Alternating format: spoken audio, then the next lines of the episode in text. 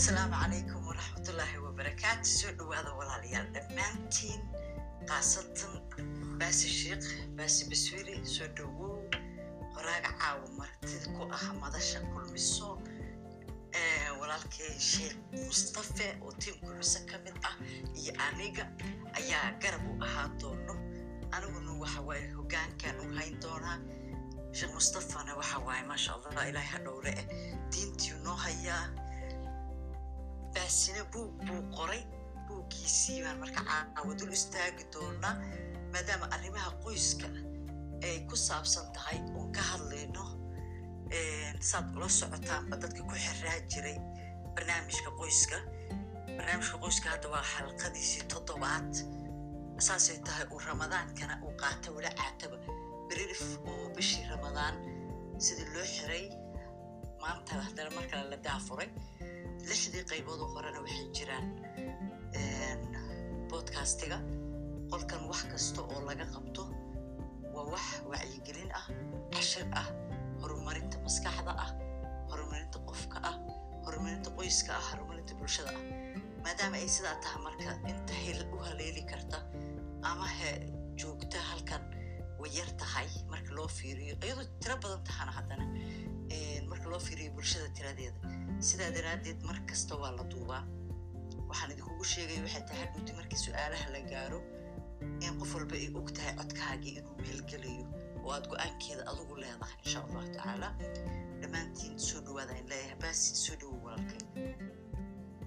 Waa dhawahay aada umahadsan tahay sida fiican aa u soo hagaagsantay barnaamijkan.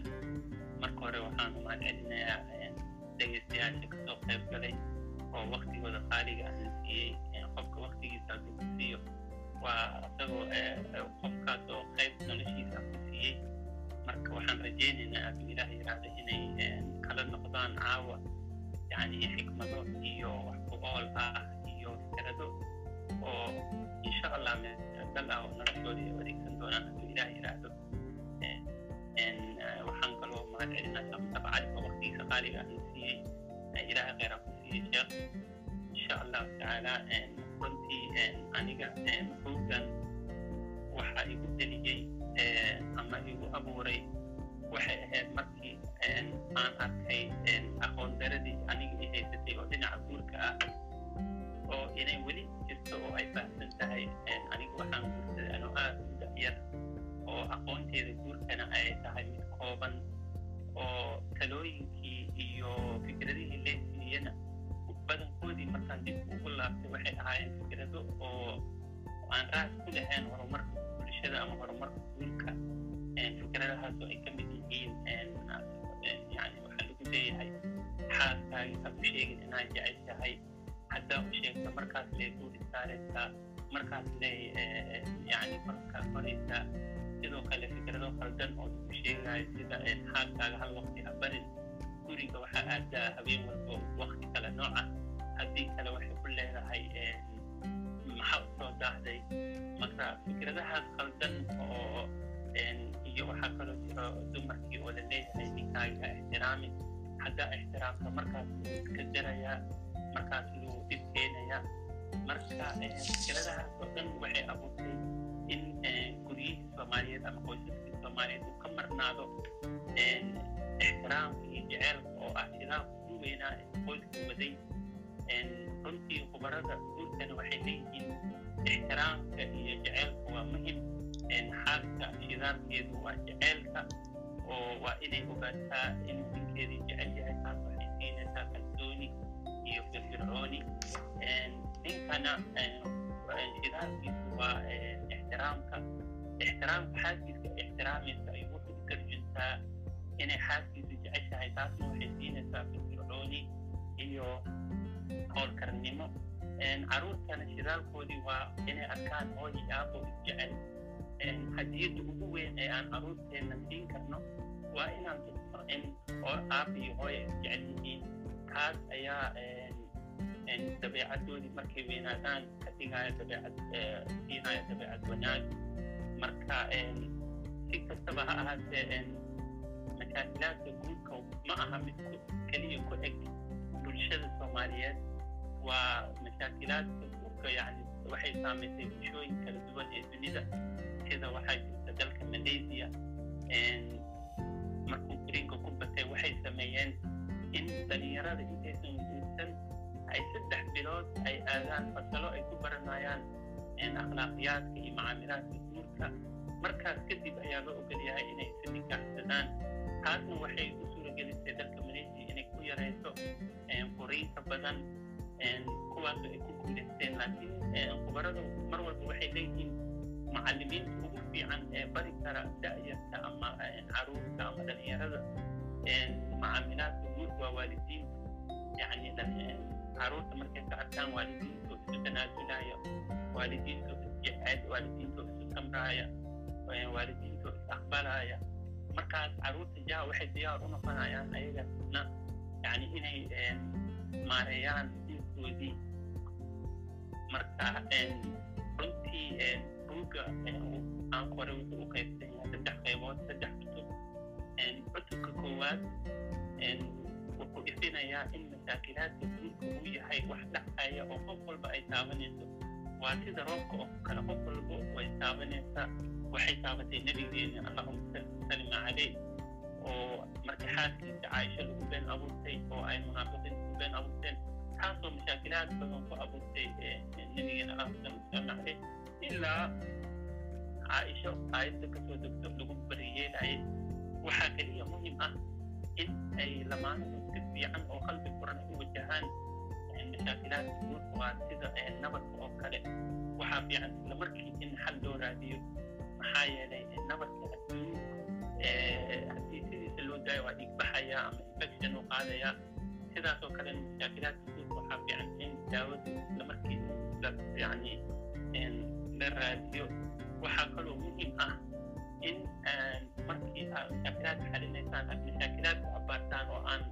qofka abbaarin oo aad dhihin weligaa sidaana tahay adiga weligaa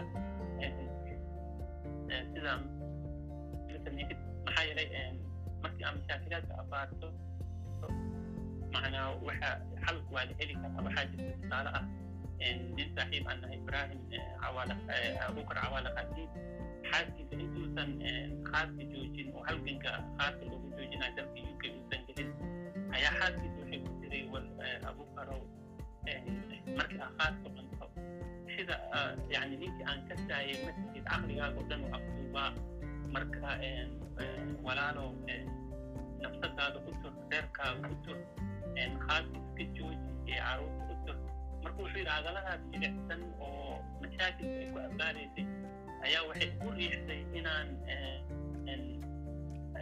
khaaska joojiyo oo halgankii aan galo oo u k looga joojiyey looga mamnuucay khaaska marka gabadhaas ilaahay hadhoore waxay qayb ka noqotay halgankii oo hadalladeeda macaan darteed marka sidoo kalena waxaa fiican markuu mashaakilaad jiro qof isku dhaca markuu dhaco qof walba qayb uu dembi ah ku leeyahay ayaa jiro marka waxaa muhiim ah inaad qaybtaada khirato oo lamaanaha qof walba qaybtiisa khirto waxaa jirtay qiso aan ka dhegaystay baraha bulshada abwaan cumar uule uu curinayay markay xaaskiisa gacalo ka carootay ayaa wuxuu yiri waxay aaday guriga abtigeeda guriga abtigaan carar uu yiri anoo kabankayga wato abtigaan dhahay fursadiisii aan gacalo ula hadlo qolkan uu galuu yiri markuu qolkii garay ayuu gaclo heer yar u curiyey uu khaladkiisa ku qaranayo oo ahayd wixii habboon baa mar uun hallaabo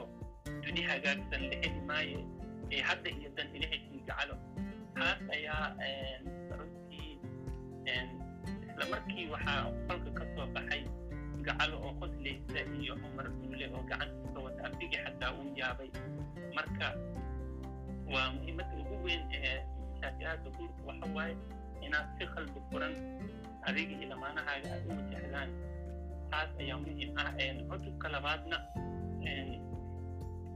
oo buugga wuxuu biirinayaa ama ifinayaa in mashaakilaadka guurka haddii uu si fiican loo wajibo ay leeyihiin faa'iidooyin badan macnaa faa'iidooyinkaas waxay ka mid yihiin in dabeecadaada ay kobcinayso waxaa jirtay halqabsi laga hayo halyeegii ka xoreeyey gumaystaha dalka indiya gandi ahayd yacni in waddan lagu xoreeyo halgan bilaa qori ah waxaan ka bartuu yidhi guurkeyga. Yacni ma dhihin jaamacaddii oxford uu tegay iyo cambridge iyo macnaa wuxuu yidhi guurkeygaan ka bartay runtii markii aa mar walba aa xalinayso mashaakilaadka guurka. Waxaa u gudbaysaa marxaladtii hore ka fiican dabeecadaada ayaa xoogaabaya samirka dulqaadka iyo waxaasoo dhan ayaa ku kasbanaysaa marka faa'iidooyinka taas ayay leedahay. Tan labaad nabigeena allah sala wasalam aleyh wuxuu yidhi man carafa nafsahu carafa allah qofka nafsadiisa ogaado ilaahay inuu ogaanaya markii mashaakilaad dhaco adig iyo xaaskaaga waxaa ogaanaysaa gudahaaga wax ka dhex guuxaya madaxumadii iyo waxyaabihii dadka kugu jiray iyo wixii oo dhan ay arkaysaa nafsadaadii oo ayaa si toos u arkaysaa waxyaabo badan aan nafsadaadii ku ogeyn ayaa ka ogaanaysaa taasna waxay ku suuragelinaysaa inaad nafsadaadii xakamayso oo aad nafsadaada u turto oo aad nafsadaadii jeclaato. Taasna waxay ku suuragelinaysaa inaad aqbasho nafsada xaaskaagii iyo nafsada ummadda kale. Marka nafsadani runtii waa ay ka macnaa khatar badan tahay dhibaatooyinka shaydaanka uu geysto shaydaankana wuxuu uu qastay wuxuu yidhi falaa taluumunii waluuma anfusakum macnaa oo nafsadiina eedeeya taas darteed ayaa waxaa arkaysaa nabigeena ducooyinka uu ducaysan jiray subaxdii iyo galabtii waxaa u badan ducooyinka laga magangalayo alle nafsadda oo macnaa nafsadda inay dhibaato iyo ay ku keenin ama.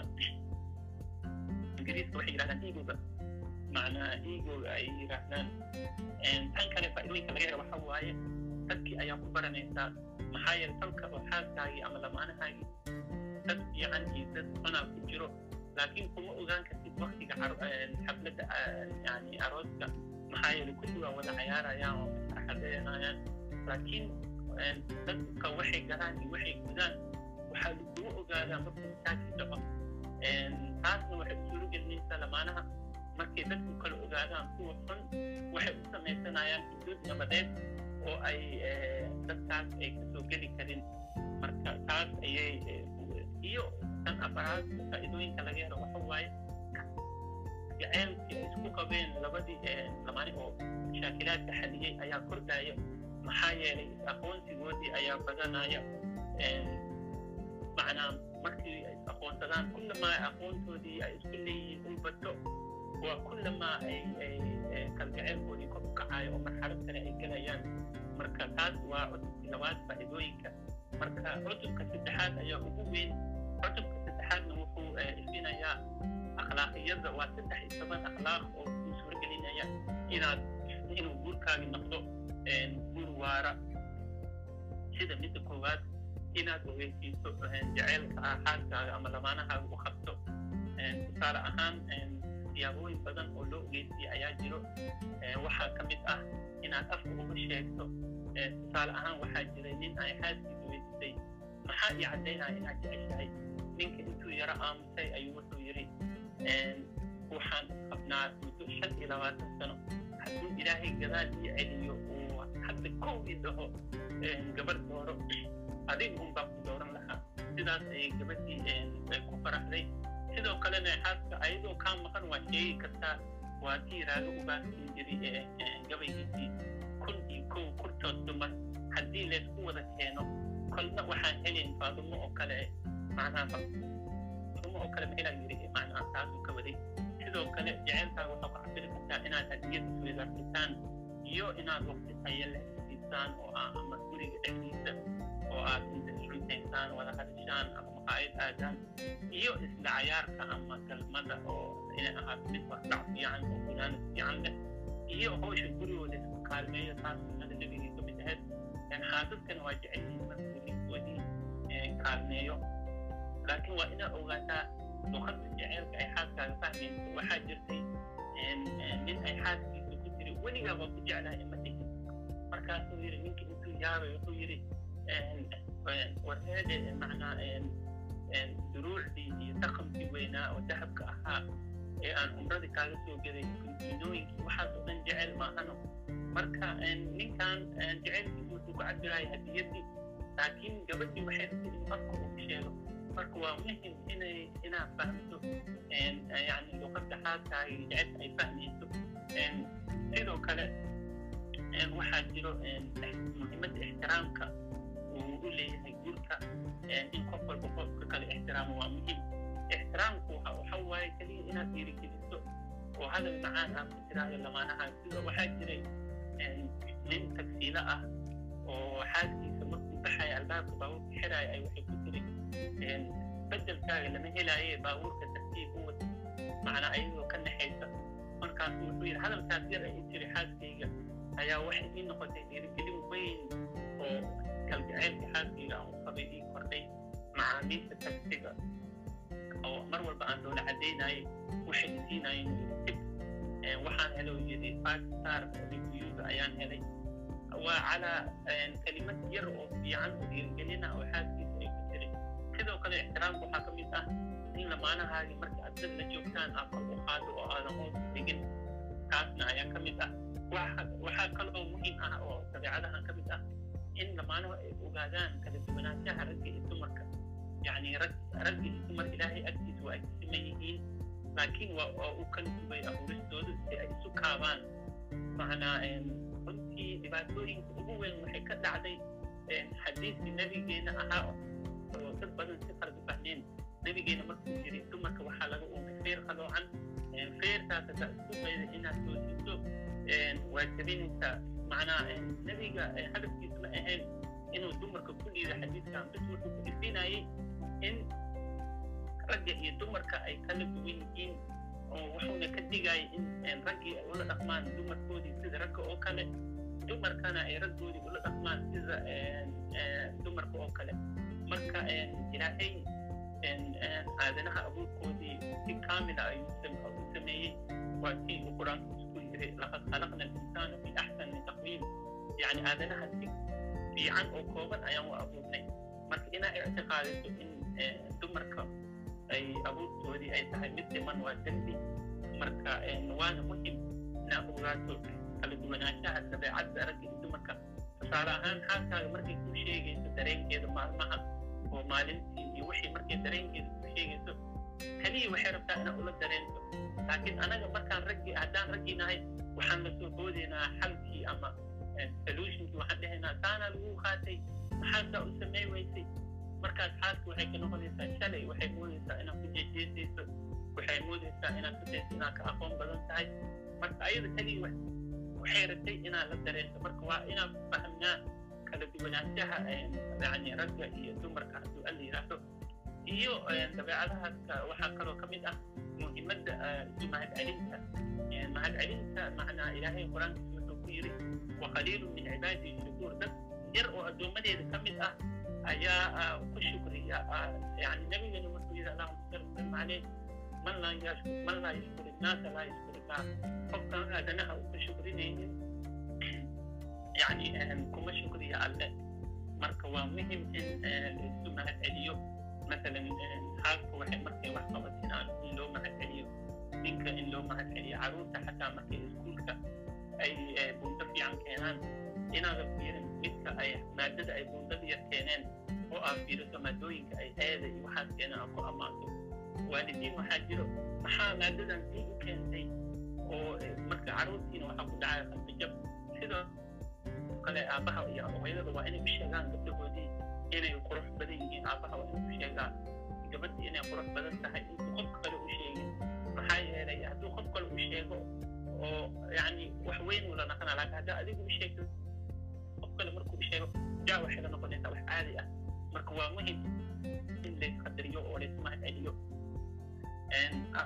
akhlaaqda kale aan buuga ku cabiray waxay ahayd in caradi la xakameeyo caradu ama xanaaqu waa yani dareen ilaahay uu ku abuuray aadanaha laakiin waxay ku qurxoon tahay inaad in loo adeegsado markay cadaalad daro jirto ama markii karaamadaada sharaftaada meel loogu dhaco inaad isku difaacdo sida waxaa jirtay caaisha radia allahu canha markii lagu been abuurtay waxay tiri waa iska ooyaayay macnaa waa iska samraayay laakiin xoogaa waxaa iga xanaajiyay tiri nebiga alla allahu sallam caleh mar uu yimid wuxuu igu yiri caaishooy haddii aad dembi lahayn ilaahay wuu ku beriyeelaya haddii aad dembi gashay dembigaaga qiro macnaa ilaahayna dembi dhaaf weydiiso marka tan dambe oraahda dambe iga caraysatay tiri waxaan u tegay aabahayga aan dhahay rasuulka alle u jawaab aabahayga wuxuu yiri tiri waxaan ku jawaabo male rasuulka alle haddana hooyadeedaan u tegay tiri waxaan ku dhahay rasuulka alle u jawaab hadalkaan u yiri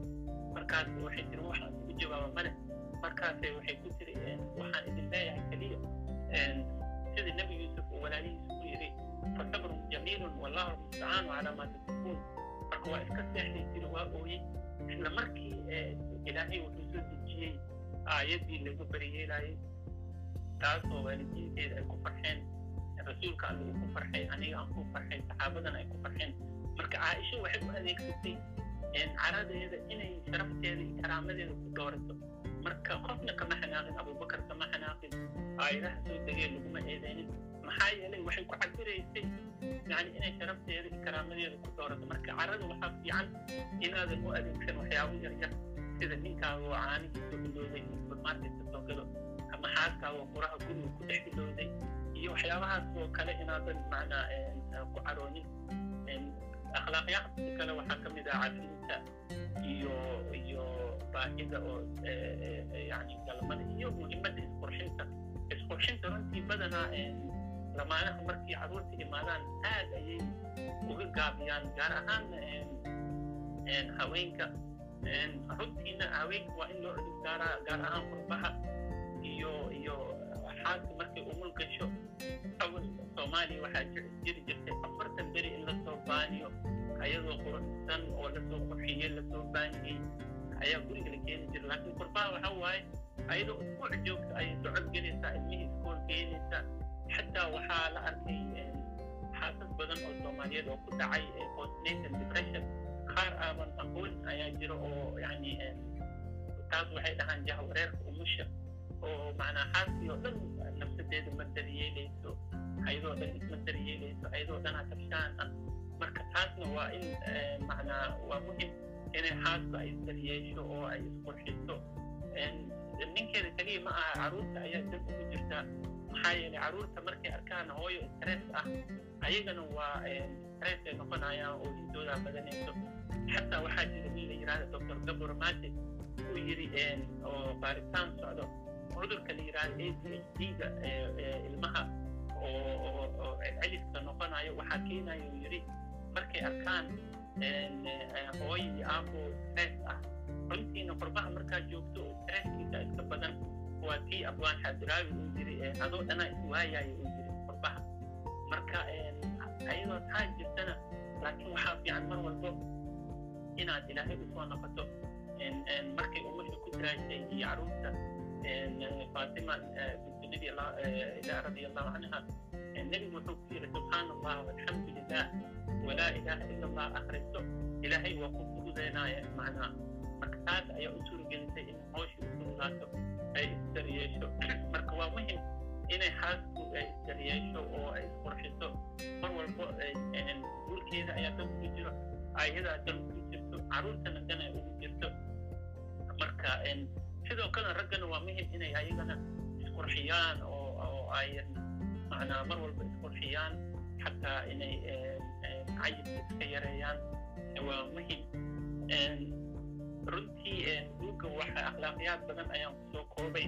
Waxaa ka mid ah sida sodohdaadii ee lala macaamiloodo iyo waxyaabahaas oo dhan tusaalooyin badan ayaa ayaa ku jiro runtii laguma soo koobi karo hal barnaamij laakiin hadafka ama fariinta yani fariinta ugu weyn aan ku soo gabagabaynayo waxay tahay macnaa in uu guurka uu yahay aayad ka mid ah aayadaha ilaahay waana tiirka ugu weyn ee laga kobciyo bulshada iyo tayada dadka yani tayada dadka ayaa ka muhiimsan tirada dadka tayada dadkana meelaha laga kobciyo waa guurka marka waxaa iga waana ah dhalinyarada kuwa hadda guursaday iyo kuwa guursan doonaba inaad tayada guurkiina kor u qaadaan khaladaadkii aan anaga galnay aad ka barataan si aad u soo saartaan jiil cusub oo hogaamiyayaal ah oo kasmaba u leh inay dalka hooyo ay si fiican u jiheeyaan ha ahaadaan mujtamaca qurbaha joogta inay soo saaraan hogaamiyayaal kuwa dalka joogana inay hogaamiyayaal soo saaraan maxaa yeelay dalkeena dadka wax ka qora waxaa lagu eedeeyaa inay yihiin mujtamac ka dhalmadeeyey hogaamiye fiican ama hogaamiyayaal kasma i karti leh marka si taas aan u rogno oo aan jawaab jawaab celin ugu samayno waxaan ku boorinaynaa dhalinyarada soomaaliyeed oo ah hantidii ugu weyneed ee dalkeena uu leeyahay yani inay tayada guurkoodii kor u qaadaan ay guurkoodii shidaal uga dhigaan jaceyl iyo ixtiraam si ay u soo saaraan jiil wax ku ool ah oo dalkeena sharaftiisa iyo karaamadiisa soo celiya. Hadduu alla yidhaahdo marka meesha ayaan ugu baxayaa raali ahaada waqti badan ayaan ka qaatay. Baaraka allahu fiikum. Runtii si macaan oo kooban ayaad buugga sawir uga bixisay. Qof walba oo danaynaysa horumarka ee qoyskeedana waxay ka heli kartaa calaashaan tusaalooyin wan wanaagsan. Tusaalooyinku waxa ay fursadda fiican ay bixiyaana waxay tahay qasab maha ayaga inay wax kuu taraan laakiin inta akrinaysid ayaa maskaxdaada fikiro kale kasoo baxayan waxa beddelkooda adiga ku ah oo qof walba waxbaa u hirgala haddana waxaan rabaa inaan soo dhaweeyo walaalkay sheekh mustafa cali soo dhawowo sheekh mustafa بسم الله الرحمن الرحيم الحمد لله رب العالمين وبه نستعين على أمور الدنيا والدين وصلى الله وسلم وبارك على نبينا محمد وعلى آله ومن تبعهم بإحسانه إلى يوم الدين ama bacd assalaamu calaykum waraxmatullahi wabarakaatu allah idin barakeeyo oo luul allaha ku barakeeyo ilahay ajri xasanada kaa siiyo wanaaga iyo khayrka ad ummadda soomaaliyeed u hayso iyo baraarujinta familada soomaaliyeed garab baad u noqotay ilahay gurigaaga maratay hakatuso wanaagaas iyo khayrkaas walaalkay bazi ilahay subxana watacaala ha ku barakey runtii hadalkaaga oo hadal u qalmo in qalin dahaba lagu qoro iyo buog dahaba lagu kaydiyo marka ilahay ajri xasanada kaa waa wanaag aad ummadda soomaaliyeed u samaysay waayo waxyaabaha wanaaga la sameeyo kuwa ugu waaweyn waxaa ka mid a qoysaska ummadda muslimiinta oo islaax dhexdooda la dhigo waana waajibaadka iyo sharafta qofka muslimka ahi laga rabo inuu muslimka kale walaalkiis u sameeyo. Marka taas waa baraarujinaya ilahay ajri xasanaadna kaa siiyo. Intaas kadib waxaan rabaa in yar un inaan tilmaamay intuu hadda walaalka dhahay aan yar ku daray insha allahu tacaala arrimaha horta qoyska in laga hadlo oo saanoo kale looga hadlo waxna laga qoro aad baan u dhiirigelinaya waana baahi ka mida baahiyada ugu waaweyn ee dadka soomaaliyeed ay qabaan. Waayo maanta mujtamaca qiimeyn badan iyo aruurin badan uma baahnaba in cilmi baaris badan lagu sameeyo dhibaatada burburka iyo isfaham darrada qoysaska soomaaliyeed ku dhacay iyo saameynta carruurta ay ku yeelatay. Intaba way muuqataa ilahay subxaana watacala hadi marka xalay baa mar sheekh bashiir shiil oo reer canada ah maruu hadlayay wuxuu hadalkiisa ku saaray si toos annagoo u maqlayno wuxuu yidhi masaajidka aan joogno boqol ciyaal soomaaliyeed ah masaajidka nagula dukanaya dhalinyaro ah ayaa dhimatay buu dhaha la dilay markaan baarnu dhahay ilmahaas intooda ugu badan waxay ka soo jeedeen buu dhahay familo labadii isqabtay ay kala tegeen marka meesha waa daraasaad runtii waa daraasad runtii qiimo badan oo wax laga arki karo. Ilahay ilmahaas ha u naxariisto waalidka dhinteen sabir ee ka dhinteenna ilahay sabir imaan ha ka siiyo. Intaas daa intaa uga gudbo walaalayaal marka laga hadlayo qoys labada jira ugu waaweyn waa aabbaha iyo hooyada. Wixii markaa ka dhex dhashay ayaa qoysku waxay u noqonayaan ubixii marka qoysku wuxuu ka kooban yahay intaas. Kadibna mujtamaci intooda kale ayay qoyskii qayb ka noqonayaan oo bulshadu sidaabay ku tarmaysaa. Marka saameyn weyn buu qoyska leeyahy ilahayna wuxuu leeyahay wakhalaqnaakum azwaaja labadaasaa nalaga abuuray hooyadii iyo aabihii ama odaygii islaamta isku yimid halkaas ayaanu ka tarannay marka qoyska sidiisaba marka laga hadlayo guurka labada isguursato waa sida kambani shirkad la aas-aasayo shirkaddaas waxaa sheer ka ah maamadii iyo odaygii ama ninkii iyo gabadhii isguursanayay ayaa waxay gelayaan shirkad bay dhisayaan shirkadda marka adduunka sida aan naqaano shirkadaha waxay iibiyaan product qaarkood badeeca bay iibiyaan alaab bay suuq geeyaan alaabtii baa laga gataa oo waxay ilaashadaan waa productigooda qaar kalena waxay iibiyaan service. Oo iyaga product based ma ahan waa service. Service bay iibiyaan. Lakiin kambanigan qoyska maxay ayaga maxaa maxay ayaga ay tahay inay ilaashadaan? Ayaga waxay ilaalinayaan waa jacayl. Waxa qoyskooda uu ku dhisan yahay waa jacayl. Jacaylkaas is-ixtiraamka isjeclaashahaas ayaa mar walba u baahan in la ilaaliyo ilan shirkadda haddaysan haysanin producta iibiso walow kala taga akhirna way xirmaysaa qoyska hadduusan jirin jacayl iyo ixtiraam waxa uu ku dambaynaya aakhir in lagu kala tago sidaa darteed ilahay suuratu ruom marka uu ka hadlayay jacaylka ilahay sida uu walaalka hadda tilmaamayna wuxuu ku tilmaamay guurka inuu yahay aaya min aayaati illah ilahay waxa uu leeyahay wamin aayaatihi an khalaqa lakum min anfusikum aswaaja litaskunuu ilayha wajacala baynakum mawaddatan waraxma ilahay wuxuu dhexdiina waxaan dhignay jacayl mawadda waa waxa qoyska dhanba uu dhexdeena maxaa yaal waa mawadda iyo raxma mawadda jacayl iyo naxariis. Labada qoyska lagu badbaadin karo ilahay ayaadkiisa laga dhexelaya gabadha oo oonka ugu badan iyo baahida ugu badan odaygeed ay ka rabto waa jacayl inuu u muujiyo. Ilan qofka ilahay baa u ballanqaaday risqu cunama weyn. Ilahay wuxuu ley wamaa min daabatin fi lard ila cala allahi risquha xoolahaba waa nool yihiin wax walbo nool adduunyada risqooda ilaha u ballanqaaday daabbu ilaahay ku tilmaamay. Naf walba ilaahay baa risq u ballanqaaday qofka waxa uu rabo marka adiga cunto kuuma soo dooninin raashin kuuma soo doonin keliya. Qofka inaad wax siiso kuuma soo doonan. Odaygana saasoo kale gabadha wuxuu u baahan yahay kelima inay cunto intay u miiska u saarto. Asna intuu biilkeena miiska u saara ma aha. Dee ilaahay baa ballan qaaday wamaa min daabbatin fi lard ilaa cala allahi risquha aayaddaas baa ku filan.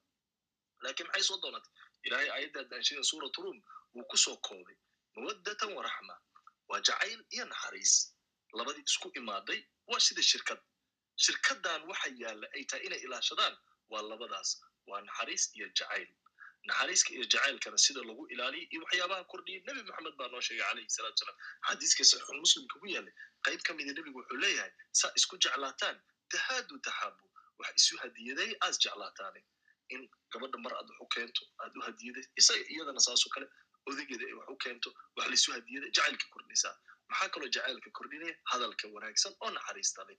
In dadku si naxariis leh ay iskula hadlaan is ixtiraamaan is dhegeystaan. Ugu dambayn waxaan rabaa inaan qodobkan ku soo kobo oo ah muhiimkan ah. Aad baan u dhiirigeliyaa qodobkaas oo ah communicationka. Dadku inay wada hadli karaan. Haddii khilaaf yimaado culays yimaado dadku inay awood u leeyihiin inay wada hadlaan. Waxaan dhahaa laba qolo arrimaha kaala dhexeeya waad ku khasbantaha inaad la fadhiisato o aad kala hadasho. Iskama indhatiri karin hal qolona waad iska indhatiri kartaa. Uma baahnid binaa u jawaabtid labada qole aadan iska indhatiri karin waa qofka guriga kugula nool. Qofka guriga kugula nool xaaskaaga ama odaygaaga inaad la fadhiisato haddii arrin idinka dhexayso waa muhiim.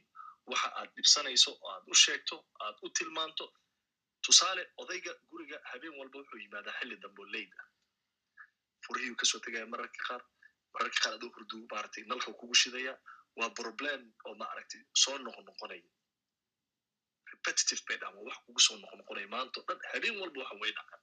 Marka ma awoodi karti inaad dhibaatada noocaasa iska indhatirto mar waxaa imanaysa haddaadan ka hadlin ood sheegan si asuluble u sheegan mar waxaa imanaysa furka aad tuurto oo aad khilaaf meesha u ka dhasho haddii ka waran marka qaab kale aad communicationkaaga aad u isticmaasho cid aanan qusayn aad kala hadasho. Gabar saaxiibta waxaa kala hadasho. Odaygaa dhibka kugu hayo. Waxaa tiri odayga habeen walba saasuu nagu sameeya aniga ilmo hurdada naga kiciya dee gabadhan waxaa maba oga waxaa laga yaaba inay qaarad kala joogto inays waxaan fahamsanayn ama xitaa inaysan ehel u hayn talada aad weydiisanayso. Ama iyadaba ay u aragtaba maaragtay in ama ay tala qaldan ku siisa mararka qaar. Ay tala si qaldan wax kugu tilmaanto. Lakiin soo kama habboona inaad isaga la fadhiisato aad maalin xilli saxa waqti saxa goob saxa aad abaaratood la fadhiisato aad u sheegto waxa aad tabanayso iyo sida xaalkaaga yahay iyo in arrintan ay ku dhigtay. Marka qofka noocaas kale qofka labaadna wuxuu yahay qofka shaqada aad ku kulantaan qofka maalin walba shaqada ay kaala dhexayso dhibka uu kugu hayo tusaalehaan xafiiska miiska aad fadhiso miiska ku dhegan ninka aad isla shaqaysaan hadduu maalin walba wax kaasa saaraya ama uu kugu ciyaaraya ama keyboardka uu kaa qarnay mouska kaa qarnay dhibaato soo noqnoqota ay tahay. Waxaa ku khasbantaa inaad la fadhiisato procedure aad marto hadduu asiga wax iska bedeli waa ilaa ijaarka agaarsiis. Qolada ugu dambaysa in la iska indhatiro ama aad u baahna inaa u jawaabto waa qof aad dariiq kulanteen oo gariib ah. Qof stranger ah jidka daad kulanta adoo gaari wataa qof hoon kaa daba yeeriyey ama daaqaduu kuu furta wuu ku caayay waa inaa iska indhatirtaa waan kuwa ilaah yiri waidaa qaatabahum ljaahiluuna qaaluu salaama. Suurat furqaan ilahi wuxuu ku tilmaa haddii kuwa jaahiliinta ay kula hadlaan iskaga tag haddaa u jawaabto ama dhib baad gaarsin ama dhib baa lagu gaarsin lakiin qofka nolosha ay kaala dhacayso maalin walbana is hor imaanaysaan inaad la hadasho la fadhiisto si asluuble akhlaaqle wixii ay kaala dhacay aad ula hadasho waa muhiim. Arrin walbana waxaa lagala hadlaa cidda ay qusayso. Marka qoysaska soomaaliyeed meelaha aan u baahannahay ilaa inaashano waxaa ka mid a jacaylkii iyo naxariistii iyo inaan fahamno inaan u baahan nahay inaan wada hadalno oo inaga dhexdeena aan isfahamno intaysa cid kale la soo dhexgelin waxaan aad ugu mahad celinaya walaalkay bazi ilahi subxana watacaala khayr badan ha siiyo mar kale luul allah ku barakeeyo marka intaa baan rabay inaan qaybta hore ku kabo waana wada joognaa walaalaha dhanna waxaan leeyahay na dhegaysanaya waktigooda iyo dhegahoodana amaahiye allah idin barakeeyo jazakum allahu khayr jaza aad iyo aad baad umahadsan tahay sheekh mustafa gacanta way furan tahay insha allahu tacaala waan idin soo saaray saddex saddex haddii allah awood loo idmo waxaan rabaa keliya hal wax inaan ku daro inta aanan ku siinin codka markii laga hadlaayo maaragta qulubka ama maaragtay depressionka umusha alashaan gabadha ishilmaanka ishilmaamayso iska dhaafa waxay hilmaami kartaa ilmaha waxay dhibsan kartaa ilmahaas yarka. Micnuhu ma aha waa qof caafimaad qabta micnuhu waxa waaye caafimaad ma jiro. Caafimaadka dhimirka ayaa culays koray marka nafsadeedii markay hilmaantay ubadkiina xoog uma heshaba badanaa heer heerar kala duwanna wuu yahay wala caataba heerka ugu sarreeya markuu taagan yahay ilmaha waa in laga fogeeyo sababto waxay halis u yihiin inay disho xataa. Sababto hadduu ooyo uma adkaysan karto marka waxa waye iska aamusta intay leedahay. Barkin ay madaxa ka gelisaa dhici karto. Waxay u baahan taha markaasoo kaleeto caafimaadkii in lala abaaro dhakhaartiirta loo geeyo ubadkii laga haayo gurigii laga haayo waa qof caafimaad qabtaba ma aha. Waayo annaga waali waxaan u naqaanaa oo keliya qofka dharka tuurata. Waxa waye qofka waa looga sii daraya waxaa la leeyahay maaragtay. Ilmihii ay dhashay ee nacoysaa qof see awaay gurigeeda maaragtay haddii wiilkii kula la noolaayo xataa uu nadaafad ku aqoon jira shalay naxariis ku aqoon jiray uu ilmihii tuurayso uu arko gurigiio kala daadsan uu arko haddii uuna caafimaad daradeeda fiirinin uu fiiriye keliya shalay qofkay ahayd khilaaf baa ka dhalanaya meesha waxaa naxariis halaysu naxariista marka la leeyahay waxay tahay in la isdarso qofba qofka kale inay daristo soo dhowo xumeyra laba daqiiqa haysataa insha allah wixii su'aal aad qabto okay markaad isi tahay gacanta inaad soo taagata ma ahayna bay gacaliso laakiin waa kuu samayn doonaa insha allah qaali soo dhowo waa mahadsan tahay luul khayr horta allah idin siiyo sheekha iyo bazi labadaba aad baan ugu mahad celinayaa aniga su'aal ma qabo lakiin waxaan halkan rabaa inaan sheego umusha markay qofka haweenka ahi umusho maxaan ku rahdaa depression boropas maxaan ku rahdaa ku dhacaya. Waxaa jirta sheeko run ah oo dhacday oo aniga gabaran hawriir u ahay ku dhacday. Way umushay marka waxaa ku dhacday maxaan ku irahdaa xanuunkaa ku dhacday aad bay u xanuunsatay. Waxay noqotay qof maxaan ku irahdaa bibolar bay qaaday. In ay macnaha ay iska caraysa ilmihii yaraa aysan danka lahayn maxaan ku irahdaa xididkii qabay iyo maxaan ku irahdaa ninkeedii. Runtii waa waa u dadaaleen. At the same time waxaa loo arkay in macnaha qof aan caadi ahayn. Waa soo qabanay aniga iyo walaasha israxna waa gurigaan u imaanay.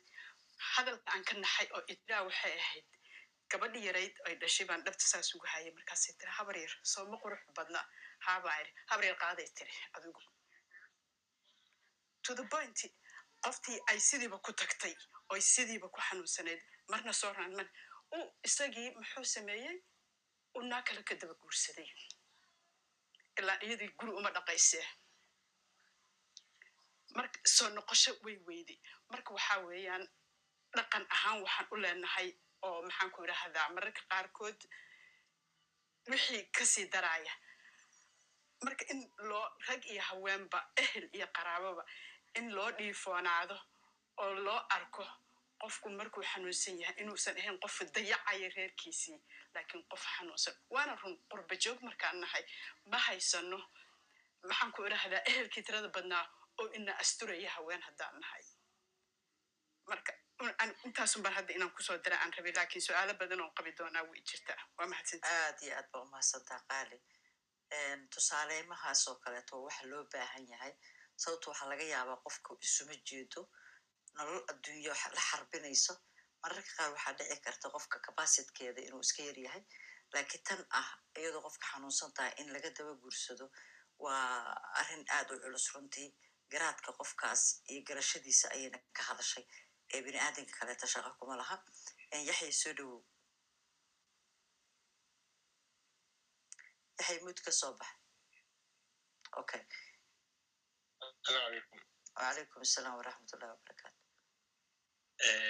hal su'aalaa rabtaa ku soc markii oo famil oo arrimaha qoyska la dhisaayo waxaa waxaa jiraan asqabanayn iyo waxaa isqabanaan tusaale kaasaa soo aroostay laba carruur ku heesaa waa phd holder waxay soo baratay sidee uu qanci kartaa inaa qof labaad la guursato oo iyadana oo shahaadaysan oo weligii wax baran. Sidee uu qanci kartaa waa u soo noqonaynaa su'aalaha dhowran ka dhigaynaa insha allah. Boqorada soo dhowow telefon bay gasha ka jaamac waa dhowahay asalaamu calaykum dhammaantiin waana ka mahad Wacalaykum celinayaa asalaam barnaamijka waraxmatullahi sida wacan ee aad u daadiinaysid iyo ka soo qaybgalayaasha run ahaantii waa mawduuc aad xasaasi ah oo muhiim ugu ah bulshada soomaaliyeed waxaan rabaa inaan dul istaago laba arrin hal arrin tusaalaan u soo qaadanayaa hal arinne baasi ayaan su'aalayaa waxaan dhacdo goobjoog u ahaa in maalin maalmaha ka mid ah ee dhacday annagoo meel fadhina oo dhalinyaro ah inaan ku soo baxno buuq iyo qaylo markaan ku soo baxnay waxaan aragnay qof dumar ah oo soo cararaysa oo leh haliye aliyaseygeega oo garaacaya. Markaan ku baxnay oo aan aragnay xaaladda meesha ka taagan war maxaa kuu geeya qofkan dumarka ah xaaskaaga ah ilmahan kuu dhashay? Markaas buu dhahay niyow sidaana u madax adag tahay? Mar walbana iyado in aan garaaco ma ahane si kale wax ay ku fahmays male marka qoftii dumarka markay aragtay inaan ma aragtay garab taagannahay oo arrintii aan dhex galayno oo aan nabadeynayno ayaaba buuqigii wuu sii batay iyada inay markaas ay nafisto ee hadasho ee inay gacan kala hadasho ee isku dayday. Markaasuu hadal aan la yaabay uu dheh maanta oo dhan nabadan ku joognay qoftan waxaan ku canaaninahay gurigeeda inay dhaqatay ilmaheeda inay haysato. Hadda idinkaa imaaday anigiiya ii fafakanaysaa. Marka dhexdeena ka baxa sidaas la adligeed way taqaanaa qoftan qofkana markaas ilkahiyaaba ka dhacay qaar ka mid ah. Marka intaas tusaalaan u soo qaatay waxaan sheikha weydiinayaa waxaa soo kordhay muddooyinkii dambe waalidiinta soomaaliyeed in markii khilaafku soo kala dhex galo ama ismaandhaaf ay ku doodaan ubadkooda dhexdooda. Islamarkaana hadallo aan habboonayn ubadkii dhagahooda ku dhacayo ilaa marka dambe ay meeshaas ay ka dhalato in ubadkii xitaa siday iskugu afcalinayaan ama ay iskugu jawaabayaan waalidiinta ee iyagana markii dambe waalidkooda sidaas oo kale ugu afcaliyaan. Marka sidee loo gudbi karaa xaaladahaas soo kordhaya ee dumarka iyo qoysaska ka dhex dhaca? Waa mahadsantiin. Aadaa umahadsantaa jaamac intaana su'aasha u gudbin basi iyo sheekh mustafe yaxyaan rabaa inaan su'aal weydiiyo yaxya su'aal waxaana weydiisa ah sina aan u fahmi la ah gabar b h d haysata sidee ugu qanci kartaa gabar aan iskoolba dhiganin ama aan aqoon sare lahayn inaad la guursato soo kama horeyso inaad la guursato horta sideedaba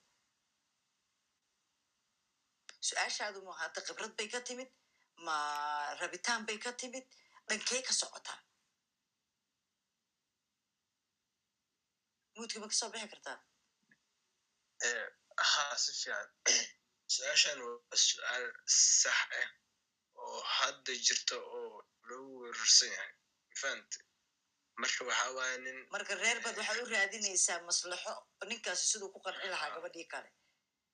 Haa gabadha micnaha waxaa jirto waxa la yirahda soomaali oo khudbasiro taqaanaa laakiin asi ahaan khudbasiro oo marka khudbasiro waxay noqonaya marka xaaska iyo asi iyo bis is og yihiin laakiin waa la wada ogyahay ina micnaha arooso oo xaas labaad aroosay familkiisa ayba ogyihiin laakiin xaaska ma ogi xaaska sidoo u qanci lahaa micnaha in oo ku qanciyo inuu gabar kale la arooto gabadhan shahaado haysanin oo gabar caadi isjibtahay oo sida la isku qanci lahaa lahaa mahadsantaha inuu la aroosay ay calaamad su'aal taagan tahay Wa- Qaali, walaal muudka ku noqo wax yar muudka ku barya marti baa jooga baasiya caawa marti ayay buuggiisa markuu ka jawaabo kadib ayaa idin soo deganaynaa adinka kale adoo raalli ah gacalay raalli noqo baasi ku soco bismillahi raxmaan raxiim runtii su'aasha oo yaxya weydiiyey waxaa igaga aqoon badan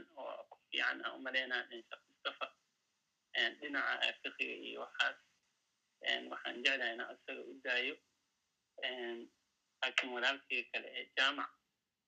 Runtii aniga waxaan yani arkay ama maqlay dad fahamsan in ninka markuu ku dilayo uu jacayl dartiisa ku dilayo runtiina taas waa fikrad khalad ah dumar taa laga dhaadhiciyey ayaa jiro oo sida markii aan ku dilayo waxa iga keenay jacayl iyo dhab aan ku qabo marka taana waa khalad nabigeena alayhi salatu wasalam wuxuu yiri waxaan aad u dhaleeceynayo uu yiri ragga oo habeen maalintii xaasaskoodii af xumaynayo af lagaadeynayo oo gacan u qaadayo habeenkiina abaayo abaayo i dhahayo marka sidey u qancinaysaa xaaskaas? Macnaa uu nabigeena macna allahuma salli sala alayhi yiri marka waa waa muhiim in loo caqli celiyo in la wacyigeliyo runtii aqoon la'aan badan oo ayaa jiro. Aniga xataa waxaan xasuustaa inta aan guursan nin oday ay igu yiri habeenkii marka lagu keeno ugu horreeya darbaaxa ku dheji markay ku dhahdana maxaa igu dhejisay waxa soo socdaa ka daran dheh caqliga waa waa ii noqon waaya laakin waa nin oday ah. Macnaa dad oo sida aaminsan ayaa jiro laakin waxay u baahan tahay wacyigelin iyo macnaa in dadkii la wacyigeliyo oo la ogeysiiyo. Runtii waxaana fiican markuu mashaakilka jiro in aad si caadi a u cabirto sida sheekh mustafa uu sheegay oo macnaa waxyaabaha aad ka cabanaysid inaad si caadi ah yani walaale markaa sidaa sidaa samayso sidaanaan dareemaa. Macnaa qofku waa fahmaya macnaa saas ay ku fiican tahay. Marka insha allahu tacaala waxaan leenaha walaalaheen ilaha soo hanuuniyo. Arrinka kalena sheekh mustafa ayaan u daayay dhinaca fiqiga galaysa. Marka culummada in loo daaya fiican marka waxaan leeyahay walaalkayga yaxya iga raali ahaa baarak allahu fiikum sheekh mustafa adaadna maqlaysid midka ka soo baxa bismi illahi raxmaan raxiim waa mahadsan tahay lul allah ku barakeeyo walaalkay baasi allah xafido walaalka yaxya su'aal runtii cajiib uuna weydiye allah barakeeyo si kooban su'aasha horta waxay soo hoosgelaysaa isla guursiga gabadha inuu la guursado ninka maaqaan b h d meeshay ka soo galayso shuruudda lagu xiray iyo cabsida meesha taalla ma ahan b h d iyo gabarba aqoon leh iyo mid aqoon leh. Labadaba guurka shaqa kuma lahan. Lakin guurka shuruudda ku xiran qofka inuu ilaahay uga baqo hadduu gabar kale gabadha la guursanayo halka shuruuda ugu weynaya ilaahay subxana watacaala oo qur'aankiisa uu ku caddeeyey waxay tahay cadaalad inuusan feli karin hadduu ka baqayo wa in khiftum anlaa tacdilu fawaaxidatan haddaad ka baqdaan inaadan cadaalad feli karaynin midiina ku ekaada marka isagay mas'uuliyadda tahay gabadhan b h d deeda iyo midaan bajularka haysata iyo meesha waxawaaye shaqa kuma lahan guurka in la isla guursaday inaan la isla guursan. Isagay mas'uuliyadda saaran tahay isagaa maaragtay aakhirana la weydinaya marka isaga waa inuu ilaahay uga baqa hadduusan awoodin caqli ahaan dhaqaale ahaan iyo xitaa waktiga intaba hadduusan awoodin inuu laba xaas ahayn karin inuu midiisa ku ekaado ayaa sax ah marka haddaysan b h d haysan iyo hadday boqol b h d haysto haddii midda kale xitaa uu guursanaya iyado laftigeed b h d kala haysato macnaheeda maaha inay guurkiisa u fududaynayso hawsha. Mas'uuliyadda isaga saarana waxay tahay cadaalad ma fali karaysaa cadaalad ma samayn karaysaa ma awoodaa haddaadan awoodin ilahay uga baq subxaana watacaala waad mahadsantaa qaali hadeerta soo dhawoobaa wixii aan dhihi lahaaba sheekhaa yiri aad ba umahadsantahay qof kale ay gacan u taagan tahay ma jirto aniga baasi anaa raba diyaar ma taha hadeer ha ha ka soco waayahay okay su'aasheeda sheekh mustafa waa ku salaam asalaamu calaykum iyo walaalaha eh, haddii maxaa la luley ciyaalka marka la waxeynayo ilmihii iska daba kekeento waqti badan qof kula caawinaysana aada haysanin inta ugu badan faamiladin waxay ku burburaan waxa waaye gurigii hadduu deganaan badan lahayn ilmihiina ay badan yihiin hooyada keligeed marna umulaysa marna waxeenaysa ee waxa ay tahay haddii qofkii nolosha kaala dhexaysana aad tiraahdo maxaa ilmahan xoogaa gaabaa loo kala dhexaysiina kuwana hanoo kala waxismaano gaabkaas aan qaato maadaama aan keligay ahay ee haddana fawdada ee bilaabanaysa lagu dhahaayo haddaada wax dhalaynin kulama joogaay arrintaas maxay diinta ka qabtaa gurigaasna see loo xalin lahaa sheekh mustafa toos u hadalkaa ka fahmi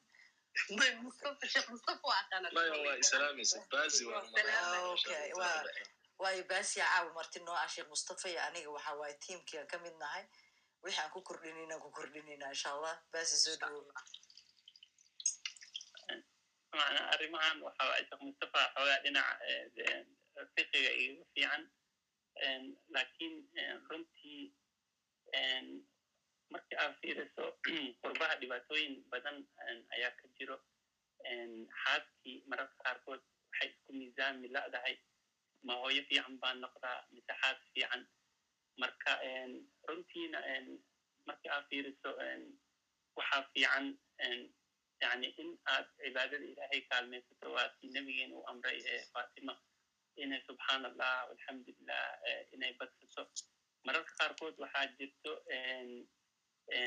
markii aa wada hadlaysaan arrimahaas oo kale aad ka wada hadlaysaan waxaa jiro inaad ka hadlaysaan dhinaca oo nafsadda oo egooga ah yani ka- ruux ahaan bini aadamka fitriga haddii ay ka hadlaan gudaha xoogaa waa is eh, fahmayaan aniga laftirkeyga runtii waxaan dhalay eh, sideed carruur.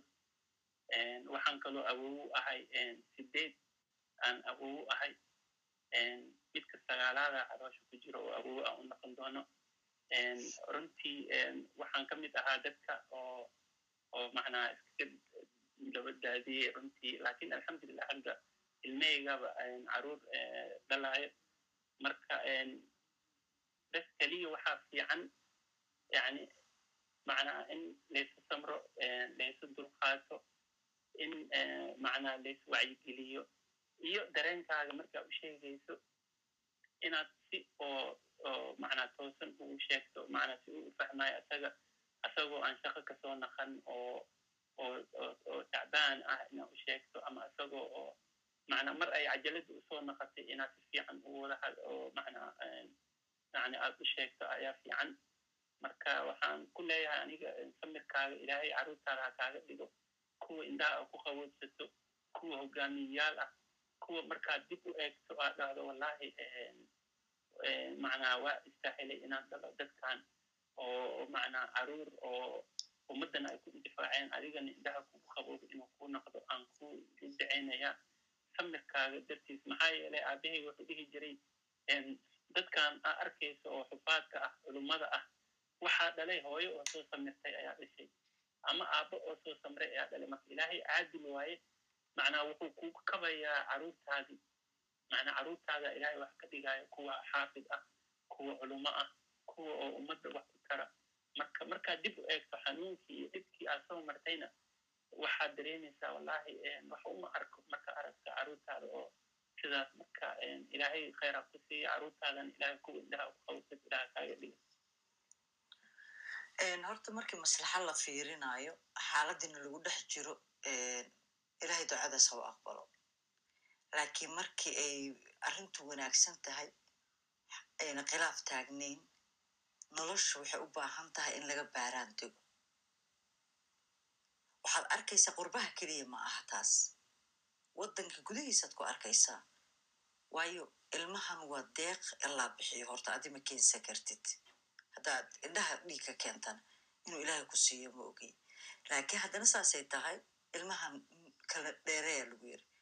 Xataa laba sana afka lagugu dhufta in aad nuujisid ilmihii. Ulajeedka ka dambeeyana wuxuu yahay waa kow jirkaaga inuu soo kabsado. Laba ilmihii inuu soo ad adkaado. Sababtoo ah markaad haddana mar kala walacdo haddana aad uur yeelato waad jiracsanaanaysaa waad nuglaanaysaa awood uma yeelanaysid ilma caawa dhan oynaya maanta dhan soo jeeda saad ogtihiinba ilmaha yaryarka ah saddex sac ka badan ma hurdaan saddex sac kasta wuu soo kacaya adigiyo tabcaana haddana ulajeed baa ka dambeeya ilaahay wuu naga xigmad badan yahay xigmaddii ilaahay baa inta laga tegey baa waxaa xigmaddiisii kaleeta ayaad asigii ilaahay subxaana watacaala waxaa looga dhigayaa maaragta dembi oo waxaa la leeyahay maaragta ilaaha yiri israaqadda allah qoreeray laakiin u shaqaysaa lagu yiri so waxaa la yiri haddana ubadka animaa keeni karo ilaha keenaye laakiin ilaahay subxaana watacaala caqli buu ku siiyey. Caqli fikerayo haddana ku siiyey. Diin buu kuu soo dejiyey. Nasteexa ah wax kuu sheegaysa oo cashir kuu dhigaysa. Intiiba intaad ka xirto hal xabo oo aad ka soo qabatid aad tirahdid halkaas xabo aan ku dheganaanaya macnaheeda waxay tahay wax badan baad inkiraysaa. Oo ka mid ah wixii lagu faray oo ku jidaynaya ubadkanna waa mas'uuliyad.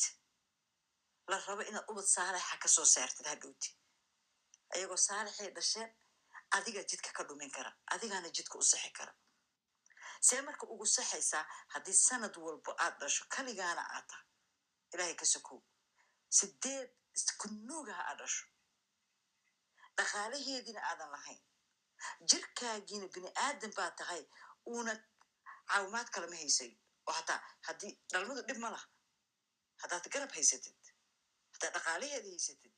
Haddii lagu shaqaynaayo doorashadeeda adaa iskale adduunka dhan way ka dhacdaa. Laakiin haddaadan dhaqaalaheedii lahayn haddaadan garabkeedii haysan hadday nafsadda adigii asiga keliya ku soo aruurtay waxay noqonaysaa jirkaaga caafimaadkaaga u darantaa horta. Naftan ilaahay wuu qadiray caafimaadkaaga marka adi haddaa xanuunsatid ilmahan mas'uuliyaddooda see ku gudanay maanta waxaan haynaa tii rabbi wadkaaneeto qof walba u imaan karaa hadda anoo idinla hadlaayo codkayga way kartiin.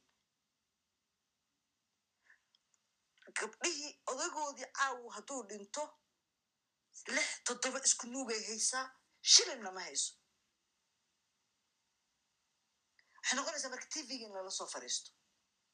Waddamada galbeedka calsha ceyraaba la siinaaba ayagana culays kaleetaa dhankaasna ka yimid. Sababto xanaanadii ma buuxi karto? Ilmihii waa ku badan yihiin? Dhaqaalihii waa ku yar yahay? Culayska afarta geesuu ka imaanaya? Xanaanadii eedaa ka imaanayso? Iskoolka eedaa ka imaanayso? Gabdhaha dhanna ma aha. Mid mid ilaahay karti gaara oo bini aadinimada ka sarraysa aan dhihi karo. Ilaahay uu ku deeqay oo tobankaba soo kala bixisaa la arkaya ayadoo haddana keligeed ah soo kala dabarta laakiin haddii dhaqamadii ahaa guriga ha ka bixina kugu xiran tahay saana aa u dhaqantid se isugu keenaysaa marka labadoodii. Su'aalo maskaxda waxay u baahan tahay inay fikirto ayadoo xaqana raacaysa mas'uuliyaddana qaadanaysa laba qofooda gacanta soo taagatay waa isku dayay ina idin diro i don't know maadikaa qabsala ama systemkaa ka xun oo idin siin la ha ku soco qofka hadla may maamulul ani waa sheekada dhamaystira walaalkii baasi horta ani ma aha qofka walaashay haysataa oo dhibaatada haysataa imagine maamulul toddoba sanaa la qabaa shan hadday joogtaa kii lixaadna calooshuu ku jiraa so marka buuqan wuxuu ka bilaabmay wuxuu dhahay meelaan ku nasta ma lahan ani nasashaa rabaa guri kale aan samaysanaa iyo see u samaynay waay marka marka wuxuu yiri gurigan nasasho ma lahan horta warshad miya marka inta warshad uu shaqaalo u joogo oo guri kale ka aada.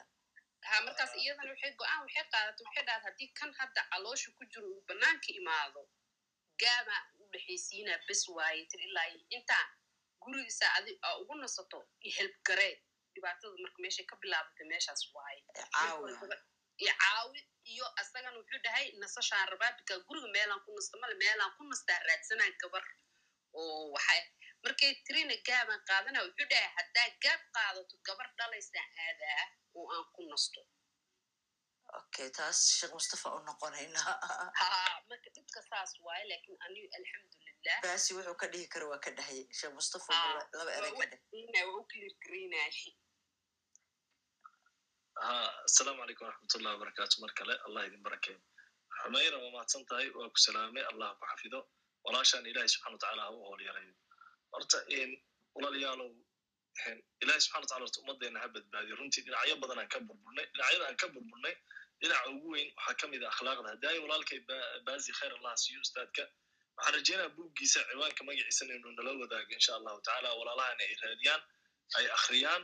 Waa qayb ka mid waxyaabaha qoysaska ay ku badbaadi karaan abwaagta walacaata aan ku daray buugga ah, sheekh mustafo englishna uu ku qoran yahay soomaalina uu ku qoran yahay. Laba buug waa luuqadda rabta dalbanaysa amazonkuuna ku jiraa maasha allah bes waa baari doona hadhow dhammaanteen aan raadina insha allah anaa ugu horreya waa raadin doonaa horta aan wax akhrino bulsho wax akhriya aan noqono ilaahay khayr ha siiyo runtii dad badan baa dadka ku dhiirigeliya walaalkay mubaarak haadi baan arkaa ustaadka.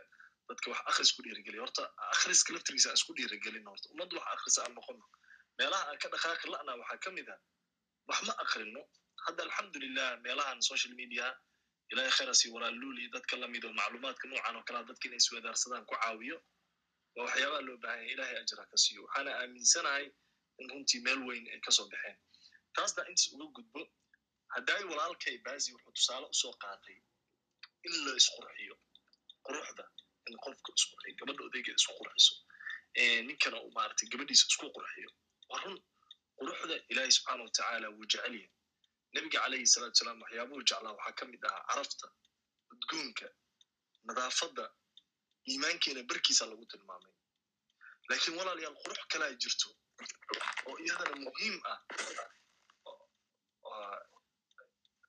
walaasha codka furni maasha allah qurux kalaa iyadana oo jirta oo muhiim ah oo haddii la waayo tan dharka iyo jasadkeena intiisa kale jawaarixdeena inteeda kale aysan macno u sam- samaynayn haddii la waayo taas maxay tahay waa akhlaaqda haddii akhlaaq la waayo dharkaaga macno ma samaynayo sidaad dadka ula dhaqmayso sidaad dadka ula hadlaysa macaamilkaaga dadkana waxaa ugu horreeya qoyskaaga. Marka qofka quruxdiisa meesha ugu weyn ay soo saarto waa akhlaaqda. Waa xadiiska nabiga calayhi salaatu wasalaam markuu saxaabada la dardaarmaya annagana dardaarankaas aanu ka mid nahay waxaa ka mid ahaa wakhaaliqi innaasa bikhuluqin xasan. Dadka in si wanaagsan loola dhaqmo. Dadka ugu horreeya sida wanaagsan loola dhaqmana waxaa ugu horreeyo qoyskaaga reerkaaga xaaskaaga ciyaalkaaga inaad u naxariisato si naxariis la ula dhaqanto iyaga aad u naxariisato haddaad iyaga u naxariisato waxaa xaqiiqaa ilahay inuu ku naxariisanaya alraaximuuna yarxamuhum arraxmaan laakiin qofka haddaa loo aad u naxariisan waayo ilahay uma naxariisto. Sida nabiga tilmaamay calayhi salaatu salaam haddaad naxariisan weyso naxariista ilahay baa kaa guuraysa. Walaalayaalow hadda gabadha waxay tilmaantay runtii hadal aad looga naxo ah? Wuxuu ku ilmiyaa ku batay ani meelaan ku nastaan raasana. Ilmahan iyada iga iskama iman moogtaa qofkan ilaahaa siiyey waa in bulshadu marka ay ku baraarugaan horta mas'uuliyaddaas dhammaanteen aniga ugu horrey inaan ku baraarugno ilmahan labada qof ilaahay subxana wataala dhexdoodu dhigay waa ammaano. Qof walbana waa la weydinayaa koriimadooda akhlaaqdooda siday u korayaan. Qof aan soo saarayno intoo dhan waxay qayb ka noqonaysaa waxa aanu ka tegayna adduunyada uga tegayno. Nabiga calayhi salaatu salaam markuu mu'minka tilmaamayo wuxuu ku tilmaamay sida shinnida oo kale. Bal fiiri tusaalahan waa cajiib. Sida shinnida oo kale. Shinnida way ka duwan tahay waxay uga duwan tahay kuwa iyada iyada la midka ah. Fiyooraha ay ay maaragtay quudataa meel wanaagsanayna uga degataa isagoo dhan kuma ciyaarto. Wax yar oo ku filanna way ka cuntaa hambana ma cunto wax cusuboo nadiifay cuntaa hadhow aakhirkana saxaradeeda annaga bini aadamkay daawo noo tahay mu'minkana waa saasoo kale. Risqi xalaalu cunaa ilmihiisa xalaalu ku koriyaa. Gurigii si wanaagsan ula dhaqmaa reerkiisa nabiga calayhi salatu salam dad dadka ugu khayrka badan wuxuu ku tilmaamay kuwa guryahooda ugu akhyaarsan kuwaas inay dadku ugu qiimo badan yihiin. Mu'minka markaas ilmaha uu dhalana ilmo qiimo leh xalaal uu ku koriyey wakti uu geliyey akhlaaqdooda aadaabtooda diintooda tarbiyadooda wakti uu geliyey buu soo saaraa laakiin qofka muslimka ahi meesha hadafkiisa u yahay shahwada maaha shahwada waa in yar daqiiqada yar saacado kooban. Hadafkaada waa in adduunyada aad wanaag ku soo kordhiso.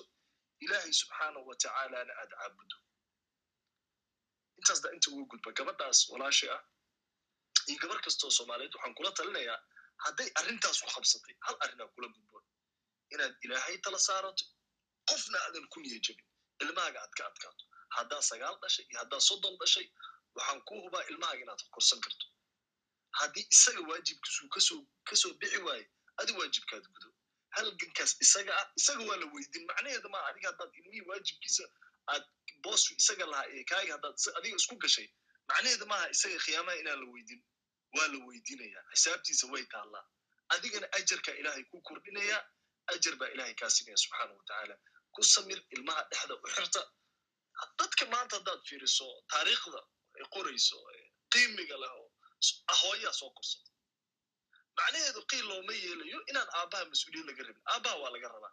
Ninka isagoo nool caafimaad qaba miirkiisa taam yahay ilmihiisa ka aaday shahwo iyo ciyaar ciyaar ka aaday. Ilahi subxana watacaala ma mooga marka samir iyo dhabar adeeg baan gabadha ku dhiirigelinaya gabar kasta soomaaliyeed. Allah idin barakeeyo aad baa umahadsantaa xasan soo rabaa muudka ku noqo adaa ka baxay qolka xilliga markaa lahayd adoo raalli ah. Xasan soo dhowow waa mahadsan tahay lul aad baa umahadsan tahay adiga iyo tiimka banalka saaran iyo dhammaan inta dhegeysanayso ee dhab ahaan waa idin mahad mawduuc aad loogu baahan yahay oo aan is leeyahay waa mawduuc ay inta badan soomaalidu ilowday ka hadalkiisa laakiin aqoon iyo khibrad oo diini iyo maadiba u baahan in laga dhiso bulshada. Sababtoo maalin walba way dhismayaan reeraha. Ee mushkiladna way taagan tahay oo xalkeeda qof walbaba aragti ka qabo. Mana ahan arrin ee lagu xallin karo qof walba sida ay la tahay? Waana tan sababto in inta badan reeraha ay burburaan? Waa arrin u baahan cilmi aqoon iyo weliba garasho. Sababtoo ah ee reerka waa aasaaska bulshada. Waa bulshada meesha ka soo dhisato. Hadduu qoyska wanaagsan yahay macnaheeda bulshada oo dhan ayaa wanaagsan. Haddii dhismihii qoyskii iyo tarbiyadiisii iyo isfahankiisii waxaas mid ka mida ay qaldantana waxay la mid tahay eh, jiil dhan oo eh, qaldamay. Eh, haddaan dib ugu laabto arrimaha u daran ee hadda taagan ee mushkiladaha qoysaska dhex jiro waxaan leeyahay asal ahaan dad baa ku riixa inta badan arrimo diin inay tahay. Diinteenna sida sheekha hadda uu ka hadlayey waxay tusaale wanaagsan u tahay adaabta iyo weliba qoys wanaagsan oo dhisma laakiin dhaqanka waa mushkiladda ugu weyn waa dhaqanka. Anigasa aaminsana sababtoo ah annaga qarniyo ka hor awoyaasheenii soo noolaa waxay ku noolaayeen duni ka duwan tan hadda aan joogno. Waxay lahaayeen eh, nolol ku beesgaraysan ama ku kooban ee xilligaas midi jirta tusaale teknolojiyadda maanta la gaaray ma jirin aqoonta iyo cilmiga heerka maanta laga gaaray lama gaarin Eh, wax walba waxay ahaayeen wax kooban. Waxaa marka nasiib darra ah maanta ninka dhallinyarada ah ee raba inuu reer dhisto inuu ka soo tala qaadanayo oday aanan ku salaynayn maado cilmi ah ama diini ah. Talada uu siinayo hadda waxaan dhegeysanaya walaalka akhyaarta halkan ku jirta kamida oday baa wuxuu ugu yiri u dhahay habeenka ugu horeysa ee gabadha aa guursatid. Arbaaxsha kaga naxso. Macnaa taas waxay tusaale u tahay dhaqan jiri jiray ee wax qarniyaal ka hor in la doonayo in laba kun labaatan iyo kow in lagu saleeyo. Maanta heerkaas lama joogo Eh, wacyigelin badan ayay haweenka heleen gabadhii maanta waxay garanaysaa xaqa ay odageeda ku leedahay waxa uu ka mudan yahay waxa iyada uu ku leeyahay isla xisaabtanaa jiro. Haddii odaygii hore ee gabadha markay guriga soo gasho aysan hadli jirin aamusi jirtay salaan u saari jirtay markii ishay hadal uu dhaha uu dhihi jiray codkaaga kor uma qaadi kartid arrinta familka markay kala hadasho uu dhihi jiray dumar baata waxba laguma weydinaayo. Markay eh, gar ka hadasho uu dhahayo waad igu xadgudubtay oo xaq uma lihid in codkaaga la maqlo oo saas loo caburinayay u sii dheereed haddii tallaabo qaldan oo qoyska hataa dhib ku keeni karta hadduu qaado ay eh, xaq u leheen hataa inay ka hadasho eh, isagoo reerkiisa laga yaaba inuu dayacay ama ka warqabin xaaladoodii inuu noloshiisa kala raacanayo gabadhiina uu yahay gabar mar hore meel ku soo xirtayo oo aanan xaq u lahayn in xaqeeda ka hadasho. Ninka dhallinyarada horta u fikiraayo in xilligaas la joogo ama habkaas wax ku dhaqo. Uma malaynayo inuu yahay nin doonayo inuu reer dhaqdo. Maanta xilligan la joogo isfahan iyo weliba qorshe wada jir loo dhisay buu reer ku dhisnaan karaa laguma dhisnaan karo. Anigaa eri iyo anigaasaan dhahay iyo lagama daba hadli karo iyo laima yeeli karo. Dhallinyarada marka waxaan dhihi lahaa dhallinyaroy na gabdhaha soo guursanaysaan waa qof adiga kula mid ah oo aqliga iyo garaadka iyo garashada iyo dadnimada ilaahay ku siiyey mid la mid ilaahay siiyey aan aqbali karin si la mid asaan adiga u ogolaanayn in lagu xadgudbo in marka qofka shaksiyadiisa dadnimadiisa dameerkiisa aan marka hore lagu ciyaarin la dareemo culayska qofkaas uu hayo sababtoo ah mas'uuliyadda qoyska way ballaaran tahay. Gabadhana qayb ayaa leedahay ninka ragaana qayb u leeyahy marka haddaan la kala qaadanin culayskeedu uu badanaya mushkiladaha kale ee taagan waxaa ka mid a iyaga gabdhaha naftooda markaa fiirisid wacyigelinta faraha badan ee la sameeyey ee dumarka kacay social mediaha wax badanay u faa'iideeyeen gabdhahaas aaminsanahay sababtoo ah wax badan oo xuquuqdooda marka hore aysan ku baraarugsanin hadda fahmin. Iyadan mushkilad kale keentay. Mushkiladda keenta waxay tahay gabadhii in badan oo ka mida hadalladaasi waxay ka qaadataa wixay iyada markaa ku dhiirigelinaya waxa ka maqan basa laakiin inta badan ma fiirinayso waxa iyada laga rabay taa marka waxay keentay dumar wada caraysan oo raggoodu wada caraysan oo qofka ma og tahay nolosha waxay leedahay positive iyo negative dhinac wanaagsan iyo dhinac xun. Marka adiga haddaad maanta oo dhan soo dhegaysatid dhinac negativityga oo lagu yiraahdo markuu guriga soo gelayo hadduu dhinacaas fiiriyo waxaasuu soo wadaa. Markaa wacdu saas yiraahdo waxaasuu soo wadaa. Marka ficil walba uu qofkaas sameeyo waxay noqonaysaa inaad turjumato. Taasna marka waxay keentay in noloshii ay ceriiri ka noqotay gabar xanaaqsan oo guriga joogto nin qabaar mooga oo isagana aan isku dayin xaaladaas ogaa?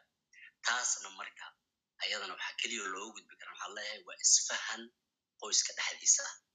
Iyo weliba in in badan laga shaqeeyo wacyigelinta oo mawduucan hadda laga hadlayo dadkan fursadda loo siiyey in in badan la ballaariyo oo dhalinyarta weliba koorsooyin aani qabay intaan la isguursan hor dadka in tababaro loo furo culummada ay kacdo dadka arrimaha qoyska taqasuska u ay kacaan oo dadkii si loo badbaadiyo qoysaska dhismaayo in in badan wacyigelin la sameeyo aad iyo aad u mahadsantihin fikraddaasaan raba inaan ku darsado aad iyo aad aa umahadsantaa xasan barnaamijkan waa barnaamij isn isniinla ah isniin kasta uu soo galaa ramadaankii unbuu qaatay fasax.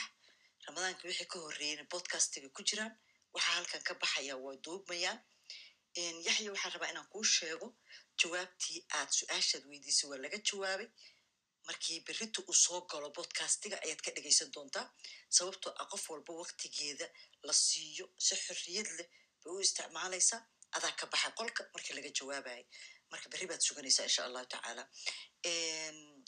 Sahayb soo dhowow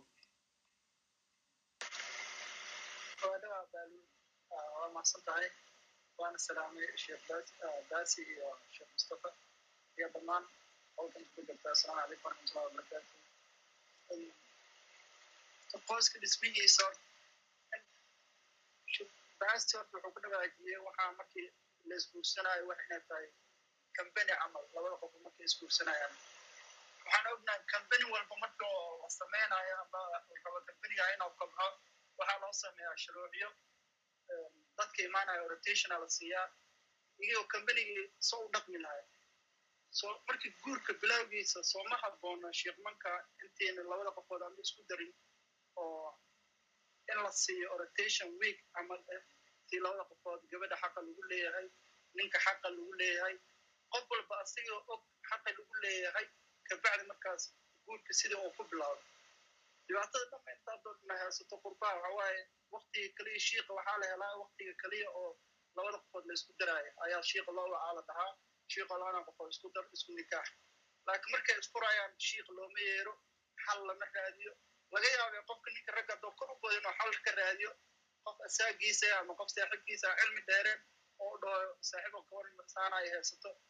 Qofka ninka raggi marka oo u sheega isaga fikradiisa aanu ahayn xalka ahayn ama dhaho qofka lala guurso haa gabadha saasay ka soo ma habboona in kule hadda qurbaha inta badan aan joogno waxaa inta badan guurka oona u raagin haa qurbaha waaye.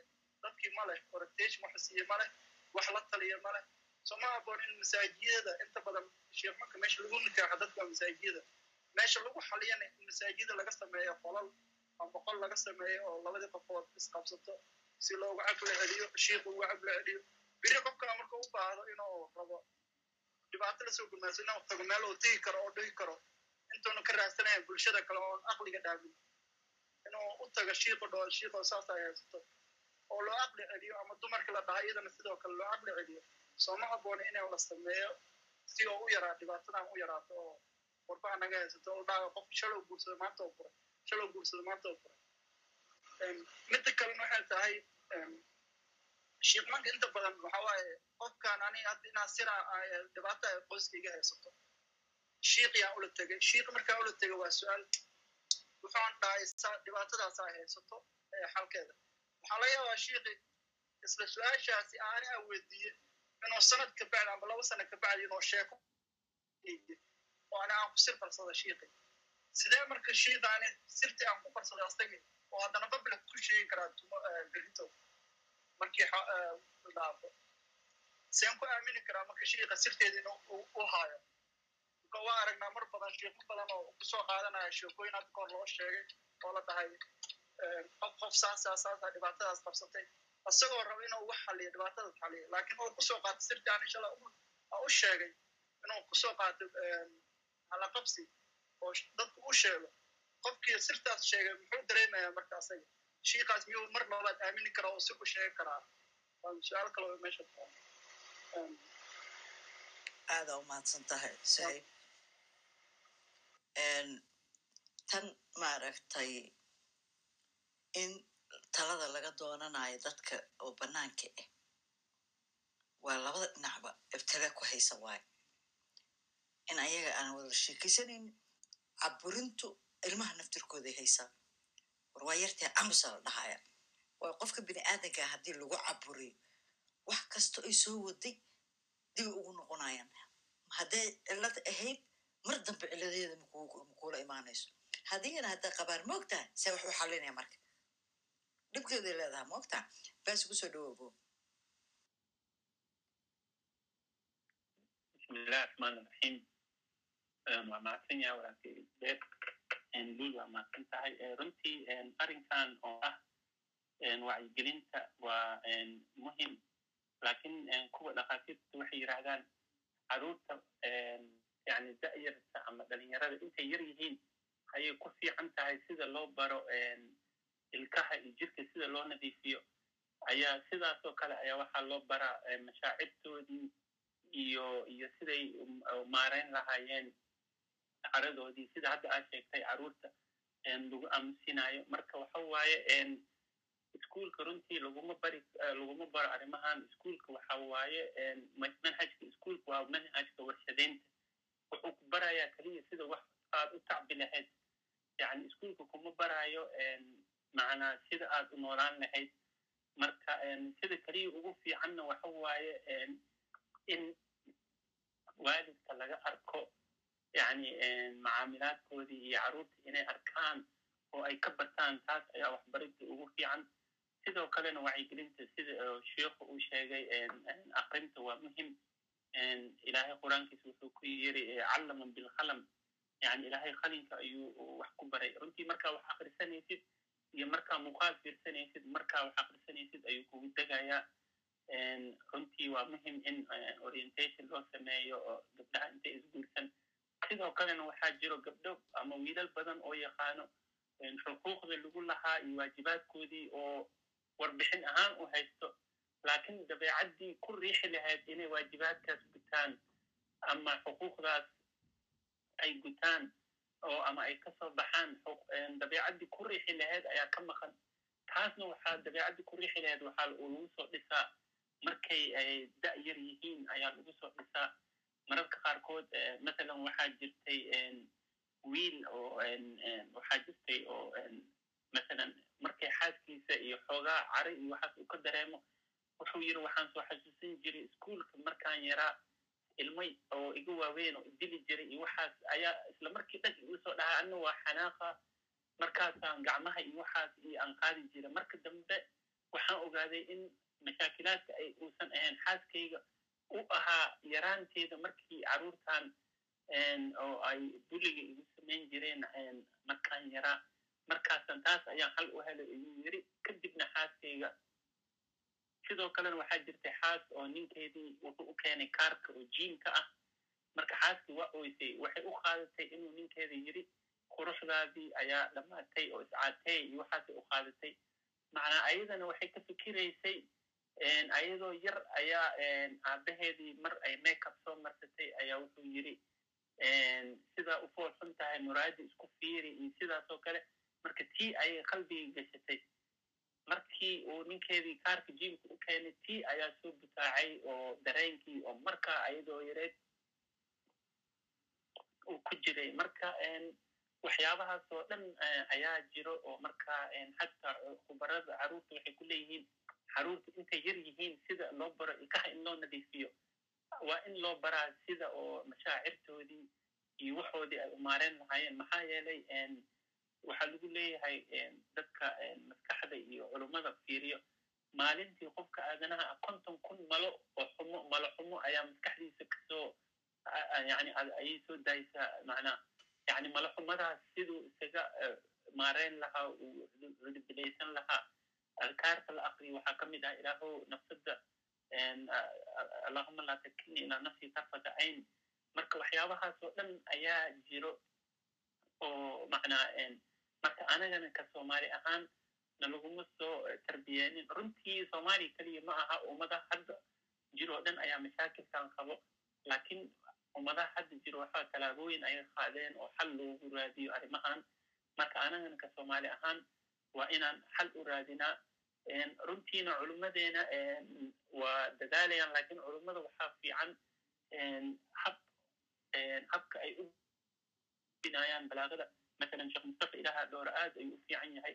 Macnaa wuxuu ku dabaqayaa waxyaabaha hadda jiro. Waa wuxuu ku dabaqay sida shirkad oo kale oo macnaa uu yiri waa shirkad oo macnaa sidaas oo kale ayaa fiican. Macnaa tusaalooyin oo sidaas oo kale inay adeegsadaan oo macnaa tan keliya oo waanada keliya ugu weyn oo aan hayo caawo oo ka mid ah oo nebigeenan waanadiis ah mar walba waxaa fiican inaad dhanka fiican aad ka fiiriso lamaanahaaga taasna waxay ku suuro gelinaysaa inaad oo dhanka xun aad ku samirto. Waxaa la yidhaahdaa laanta ubaxa ah. Waxay leedahay qeyb ubax ah iyo qeyb qodax ah. Marka mar walba waxaa fiican ubaxa lamaanahaaga inaad fiiriso aa qodaxda aad fiirin marka taas ayaa ku suuro gelinaysa inaad macnaa guurki uu noqdo guur nabadgala hadduu ilaah yidhaahdo runtii mashaakilaadku mar walba wuu dhacayaa waxaa tusaale laga dhigtaa saacadda ugu mugdiga badan habeenkii waxaa la yidhaahdaa waa tan salaada fajirka intuu dhalan saacaddaas kadibna qoraxdii ayaa soo baxda iftiinka maalintii ayaa soo baxda laakiin culummada khubarada guurka waxay leeyihiin lamaanaha badankoodii saacaddaas ayay go'aan ku gaaraan oo ay furiin ku degdegaan. Marka hadday saacaddaas samir iyo dulqaad la imaan lahaayeen waxaa dhici kartay inay arki lahaayeen iftiinka qoraxda iyo mawadadii iyo marxaladta inay u guuri lahaayeen. Marka runtii waa in dadaal dheeraad ah la muujiyaa. Sidoo kalena qofka bedelka rabitaanka waa inuu isaga ka yimaadaa in allaha laa yugayiru ma biqowmin xataa yugayiru ma bianfusihim yani culummada si kasta waxay u sheegaan laakiin qofka waa inuu asaga rabitaan ku jiraa uu isbeddel ku sameeyo uu reerkiisa ku hormariyo aniga ahaan runtii markii aan fiiriyo isbeddelka ugu weynaa wuxuu igu yimid anuu xajka joogo oo toban maalmood oo fursad aan haysto ayaa buug waxaan akhristay la yidhahdo tuxfatul caruus buuggaas ayaa waxaa ii suura geliyay inuu ituso khaladaadkayga oo dhan markaan xajka ka soo naqdayna oo aan ku dabaqay wax yar kadib xaaska ayaa itiri warniyo isbeddel weynaa kugu dhacay baasigii aan ka saayay maba tehidba baasi kalaa soo baxay. Xajka waa ku bedelay runtii xajkana waa i bedelay buuggaasna waa i bedelay marka laakiin waxaa jira rabitaan aniga dhinacayga ah oo aan rabay inaan nafsadeeda isbeddel ku sameeyo oo aan horumariyo. Marka qof kastoo soomaali ahna oo ama lamaano ah waa inuu jiraa rabitaan oo gudihiisa ah oo macnaa taas ayuu ilaahay ku garabgelayaa waati ilaahay uu yiri in yuriida islaaxan yuwafiqu llahu baynahuma ilaahay wuu waafajinaa haddii rabitaan uu jiro. Marka meeshaasaan uga baxa hadduu ilaah yidhahdo baaraka allahu fiik aadaa umahadsan tahay.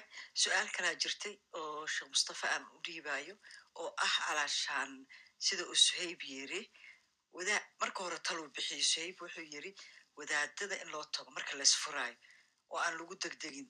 Waay marka laysguursanaayoba waa loo tagaa marka laysguursanayana meherka keliya inay wadaadadu imaanin ee ay horta labadan qof oo aqli celiyaan una sheegaan mas'uuliyaadka kori doono markuu meherkaas ku rido uu fuliyo. Tan labaadna waxay ahayd taasu talay ahayde tan ah wadaadkii aad u tagtay ood ku sir qarsatay dhibkaagaa u sheegtay dhowr sano kadib ama dhowr bilood kadib waxa waaye asigoo muxaadara akrinayo ayuu adigii tusaale kuu soo qaadana magacaagii ma sheegin laakiin adigii waad dhegaysanaysaa waxaad u sheegtay waaye bini aadanaa kugu heeran bini aadankaas sheekadaadii ogaa way fahmayaan qofka laga hadlaya ina adiga tahay. Waxaa caddaanaysa inaad wadaadkaas la hadashay. Adigana si siraha ula hadashay. Ma dhici kartaa marka sheekh mustafow maadaama qur'aanka iyo sunnaha aan isticmaalayno marjaca noo ah ay ka yimaadeen xilligii nabigeena calayhi salaatu wasalaam. Qisooyin badanna ay xagga jiraan. Markii khilaafaadka sida loo xalinayo ay tahay maqasabaa in la isticmaalo dadka maanta talooyinka la siinayo sheekadooda maadaama ay xagga ka buuxaan. Soo dhowo jazaak allah khair horta allah idin barakeeyo dhammaantiin salaada makribaa la ii gaaray waa idinku soo noqon doonaa su'aasha markaa waaba gabagabaynaynaa sababtoo baasi xataa waa sooman yahay. Afurkiisi waa asigana. Isku meelaa joogtiin labadiinaba. Maasha allah ana hadda masaajidka agtisaanba joogaaba marka su'aashan aan ku soo koobayaa kadib waa idinku soo noqon haddaan sii furan nahay haddii kalena waa kaas may ma sii furaan doona insha allah ah maasha allah jazaak allah khair su'aasha walaalka ilaahi subxana watacaala khayr baan ha siiyo si kooban walaalkii horta sirta wadaad ha ahaada mise yuu ahaanin sir qofka haddii lagu aamino inuu ilaaliyo waayo haddii sirta lagugu aamino waa ammaano. Ammaanada qofka muslimka sharaftiisa sirtiisa siraha uu kugu ammaanaystay inaa ilaaliso waa muhiim waxayna ka mid tahay qofka muslimka ah xaqa muslimka kale uu ku leeyahay inuu sharaftiisa sirtiisa u ilaaliyo. Laakiin mid kalea jirto wadaadka qiso dhacday ama uu la kulmay ma ka karaa wuu ka sheekayn karaa laakiin waa inuusan magacii iyo qofkii iyo waktigii waxyaabihii dhan inuu qariyaa si caama uga sheekayna qur'aanka oo kale sarbeeb badan baa ku jirto meelo badan waxaad arkaysaa hadda marka gogashoo kale laga hadlayo ilahi subxana sarbeeb uga hadlaa nebiga calayhi salatu salaam qisas waxyaabo badan oo dhacay buu nebiga calayhi salatu salaam ka warramaya isagoona saxaabigii iyo qofkii sheegin buu leeyahay sidaa sidaabaa dhacday marka sheekha tusaale ahaan wuu dhihi karaa hadda kahor wiili gabar baa iyimid isagoo dadka kale markaa tusaale uga siinayo isagoo markaa gabadhii magaaladii sheegin waddankii sheegin qofkay tahay sheegin qisadii xitaa inuu sidii ay tahay u sheego khasab maahan waxay dhahaan meelahan barafrasin buu dhahaa. Barafrasin buu ku samayn karaa qaab kale u bedeli karaa.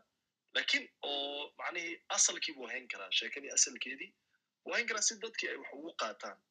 Marka haddii qofka waxaa laga yaabaa walaalka dhegaysanayay sheekii uu arrintii u sheegay dhowr toban sano kadib ama shan sano ama laba sano kadib inuu maqlo. Adiga waa fahmaysaa because adiga adaa sheekha u sheegay sheekha adigana waa istaqaanaan.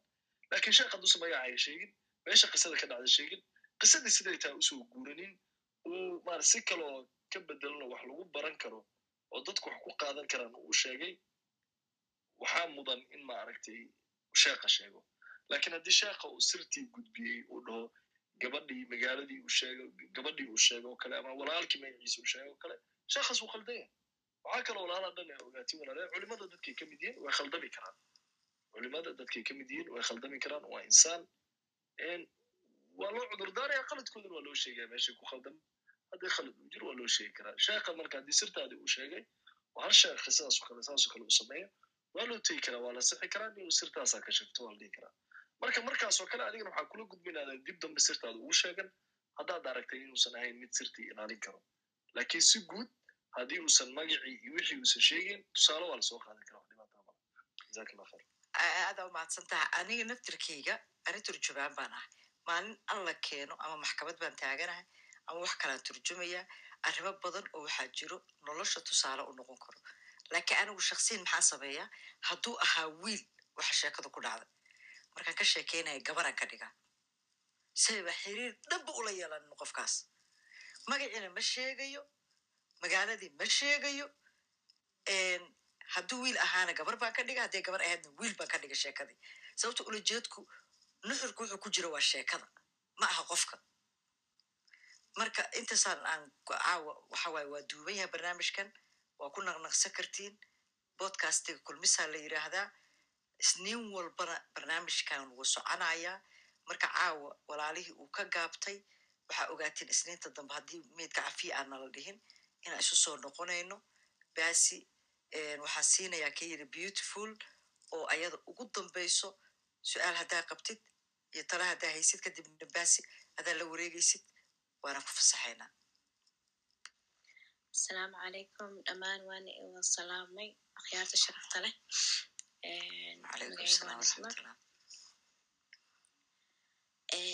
waxaan inkastoo aan soo daahay i don't know attachment styleka oo qofka bini aadanka in laga hadlay iyo trauma childhood traumaga oo maxaa la dhahaa someone can become nurses qaybtaaseeta waxaa insha allah kalkaneeta guurkan badanaa kor taagnayn labada qof sayga iyo oridiisa xoog ma aanan saarin carruurta next week insha allah insha allah insha allah ayagaba ayagaba maxaa la dhahaa dadkan isguursaday xataa sometimes childhood traumas ay qabaan ay ku soo weynaadeen laga yaabaa yeah so taas waa baasi wuu taabtay oo waxyaalo badan buu sheegay oo ay ka mid ahayd calaashaan dhibaato tusaalooyin soo qaatay wiil xaaskiisa u haystay inuu markasta dhib ku yahay xanaaq markay xanaaqdaba asigan uu ka daba xanaaqaya laakiin wuxuu ogaaday ilminimadiisii in bullin lagu samayn jiray carruurta ay baacsan jirtay.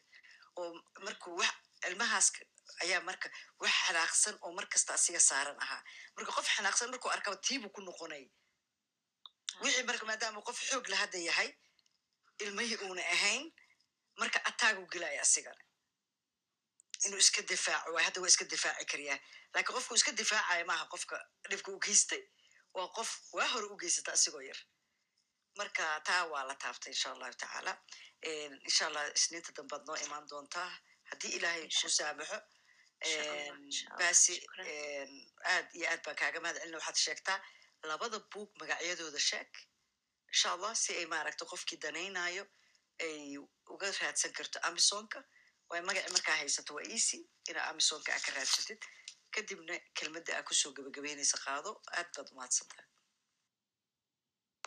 insha allahu tacaala labada book midka ingiriiska ah waxaan ugu magac daray marriage and the ego within. Marriage and ego within. Insha allahu tacaala kulley waxaa ka arkaysaan luul ayaa twitterkeeda iyo twitterkeyga adbaasi somali waa ka arkaysaan linkiga. Ama haddii aad googleka gelisaan magaceyga baasi busuri wuu ka soo baxaya insha allahu tacaala bugaagta aan qoray midka kalena waxaa la yidhahdaa garasho iyo guur waa soomaaliya aan ku tarjumay isla amazonki ayuu ku jiraa waxaa ka helaysa ayadoo ebook ah iyo ayadoo oo paperback ah. Lakin walaalahayga oo muqdisho joogo insha allahu tacaala ayadoo daabacan ayaan bil kadib u diri doonaa.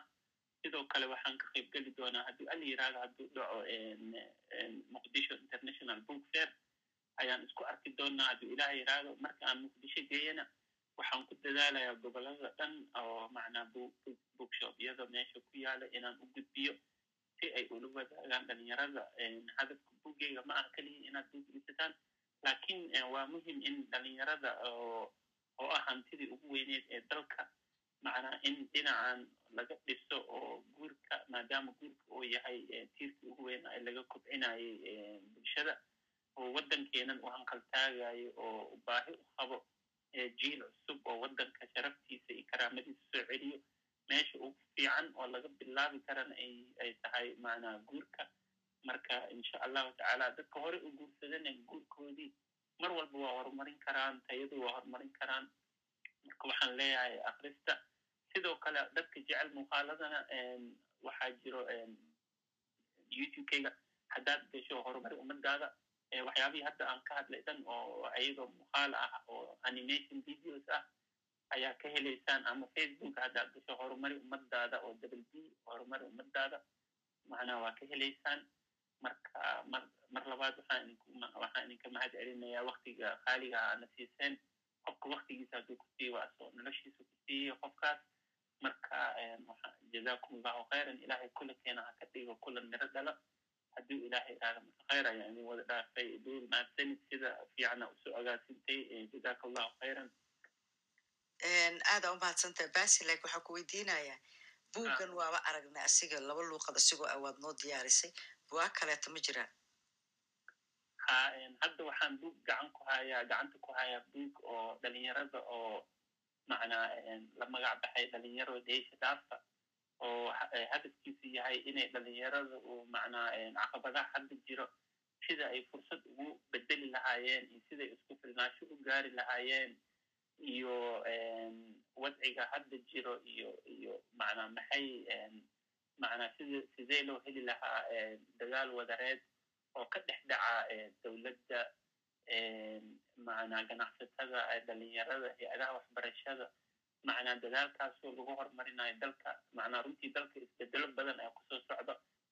Qaaradda africa waxay saxiixdeen heshiis oo tijaarada xorta ah oo oo macnaa badeecadaha canshuur la'aan isugu marka isbedeladaas oo dhan saameyn weyn ayay kule ku yeelanaysaa dhaqaalaha dalka. Tartan waxaa dhacaya oo oo macnaa oo xawli weyn oo gacanka hadalkii wuxuu isku bedelayaa ganacsi ka hadal marka dhalinyaradeenna macnaa in loo diyaariyo isbedelkaas soo socdo si ay ula jaan qaadaan marka buug oo waxa waaye kii hore waa guurka kanna sidee isku filnaansho u gaari kartaa maadaama oo shaqa la'aantii ay badatay oo shaqooyinkii dowladda ay dabooleen baahidii shaqooyinkii shirkadaha privatekana ay dabooleen. Sidee qofka dhalinyarada ah uu hadday albaabada ka xirmeen albaab asaga u samaysan karaa ama qofka ama gabadhaas ay u samaysan kartaa waxaa halqabsi laga dhigtaa. Hadday albaabada dhan kaa xirmaan adigoo albaab samaysan. Marka buuggan waxa waaye sidee qofka dhalinyarada uu albaab u samaysan karaa? Marka waxaan ku soo bandhigi doonaa muqdisho international book fair. Waa buug faa'iido leh insha allah. Sicirkana sicir rakiisa aan ku siin doonaa. Ahamiyadda waxa waaye in isbeddel ay la yimaadaan dhalinyarada. Maxaa yeelay isbeddel walba oo dal ka dhaco waxaa keena dhalinyarada marka aa fiiriso s y l. Markii aa fiiriso xitaa heshiiskii dadkii la saxiixday nabigeena maxamed allahuma salli wasalam aleyh madina average agekoodu wuxuu ahaa labaatan iyo afar sano. Waa dhalinyaray ahaayeen madina oo maanta diinta islaamka ilaa heerkan ay gaartay oo macnaa dhalinyaray ahaayeen. Marka macnaa waxaa keliya muhiim ah habfakarkeena aan bedelno oo dhalinyaradu habfakarkoodii ay bedelaan waxaa jirtay sheeko oo aabahayga ii sheegay oo ah nin waxaa jiray culumo ah oo xerta iyo xer uu wax bari jiray. Marka waxay magaalada u tegi jireen inay khaalib ka noqdaan magaalada. Wiil ka mid ah ayaa magaalada u baxay wuxuu arkay wiilkii shimbir kacdaana oo aan isquudin karin oo indhala asoo shimbirtii u socdo ayaa waxaa soo degtay shimbir weyn oo cunno u keenaysa shimbirtaas markaasuu is yiri haddiiba ilaahay shimbirtaan u arzakay anigana ilaah waa arzakaya tuuladiiu ku naqday. Marka ninkii culummada ahaa markuu arkay qofkii ardada ahaa wuxuu yidhi maxaa ku soo naqay? Markaasuu wuxuu yidhi waxaan arkay shimbirtaanoo saan loo arzakaayo waxaan is iri macnaa tuuladaada hadda u naqata ilaah wuu ku arzakayaa runtiina ninkii culummada ahaa wuu ku xanaaqay wiilka wuxuu yidhi maxaa ugu fakertay inaad noqoto shimbirta tabarta darneed maxaa ugu fakari weysay inaad noqoto shimbirta weyneed ee cunnada keenaysay? Waxaa tahay qof dhalinyaro ah qof xoog lahaa tahay. Maxaa fakerkaaga ugu noqday inaad noqoto shimbirtii tabarta darneed maxaa u noqon weysay shimbirta weyneed ee cunnada keenaysay? Markaasuu abeegi wuxuu yidhi awoowayaasheeni hore oo khaliijka lacag u diri jiray oo mucaawanada u diri jiray habfakarkoodii wuxuu ahaa shimbirta weyneed. Annagana maanta oo mucaawanada ku nool waxaan noqonay habfakarkeenii macnaa shimbirtii tabarta darneed marka sidii habfakarkaas loo bedeli lahaa dhalinyarada soomaaliyeed ay u camiri lahaayeen magaalada magaalooyinka ay ku nool yihiin gobollada ay ku nool yihiin macnaa macnaa siday u bedeli lahaayeen. Runtii markaa fiiriso hadda dalka india deegaanka bangalore waxay ahaan jirtay degaan aad oo miyi ah oo sida masalan dhinacan galmudug iyo dhinacaas oo kale ay ahayd. Laakiin hadda waxay noqotay silicon valley of india waa meesha maskaxda dhan oo dalka india isugu aruurtay oo i t-ga laga barto.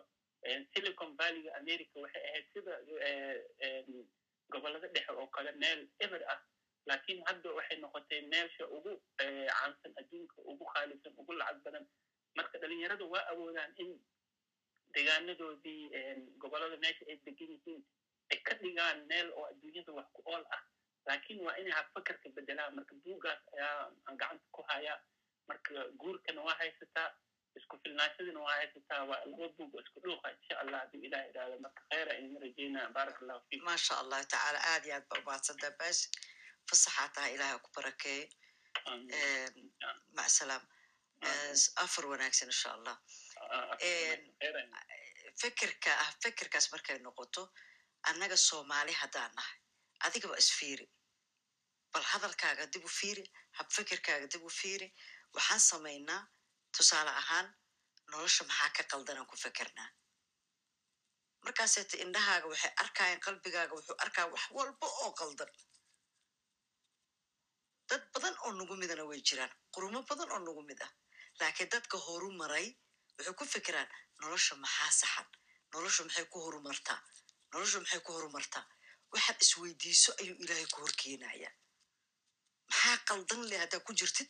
Qaladaadka dhan le kuu muuqanaa. Adina waktiga kaaga dhammaanaya qaladaadkaas le ku mashquulsanaanay laakiin horumarka xaguu jira haddaa maskaxdaada aageysid ayadan horumarka dhana kuu muuqanayo markaasna horumarkeed abaaraysa insha allahu tacaala. Marka aad iyo aad kaga mahad celinaya waktigiina ka qayb qaadashadiina intii ka qayb qaadatay intii dhegaysatay intii aan fursad u helina insha allah barnaamijka waa joogto isniin walbuu imaanaya waa inoo isniinta dambe haddii allah awoodala u idmo. Wasalaamu calaykum waraxmatullahi wabarakaatu maamulul intaada ka bixin waa mahadsantaa wataa ma soo gasheen isniinta waxay ku xiran tahay markasta qofka martida ah laakiin annaga sideedda central sagaalka fiidnimo markay soomaaliya tahay ayaa waktiga noo go-an ah marmar ba waxaa dhici karta marka qof inuunu ku habboonayn uu ka soo hormaro laakiin haddaad twitterka kulmiso aa la socotid mar kasta waad la soconaysaa goortuu imaanayo waa waa soo dhejinaynaa maalmo ka hor ama maalin ka hor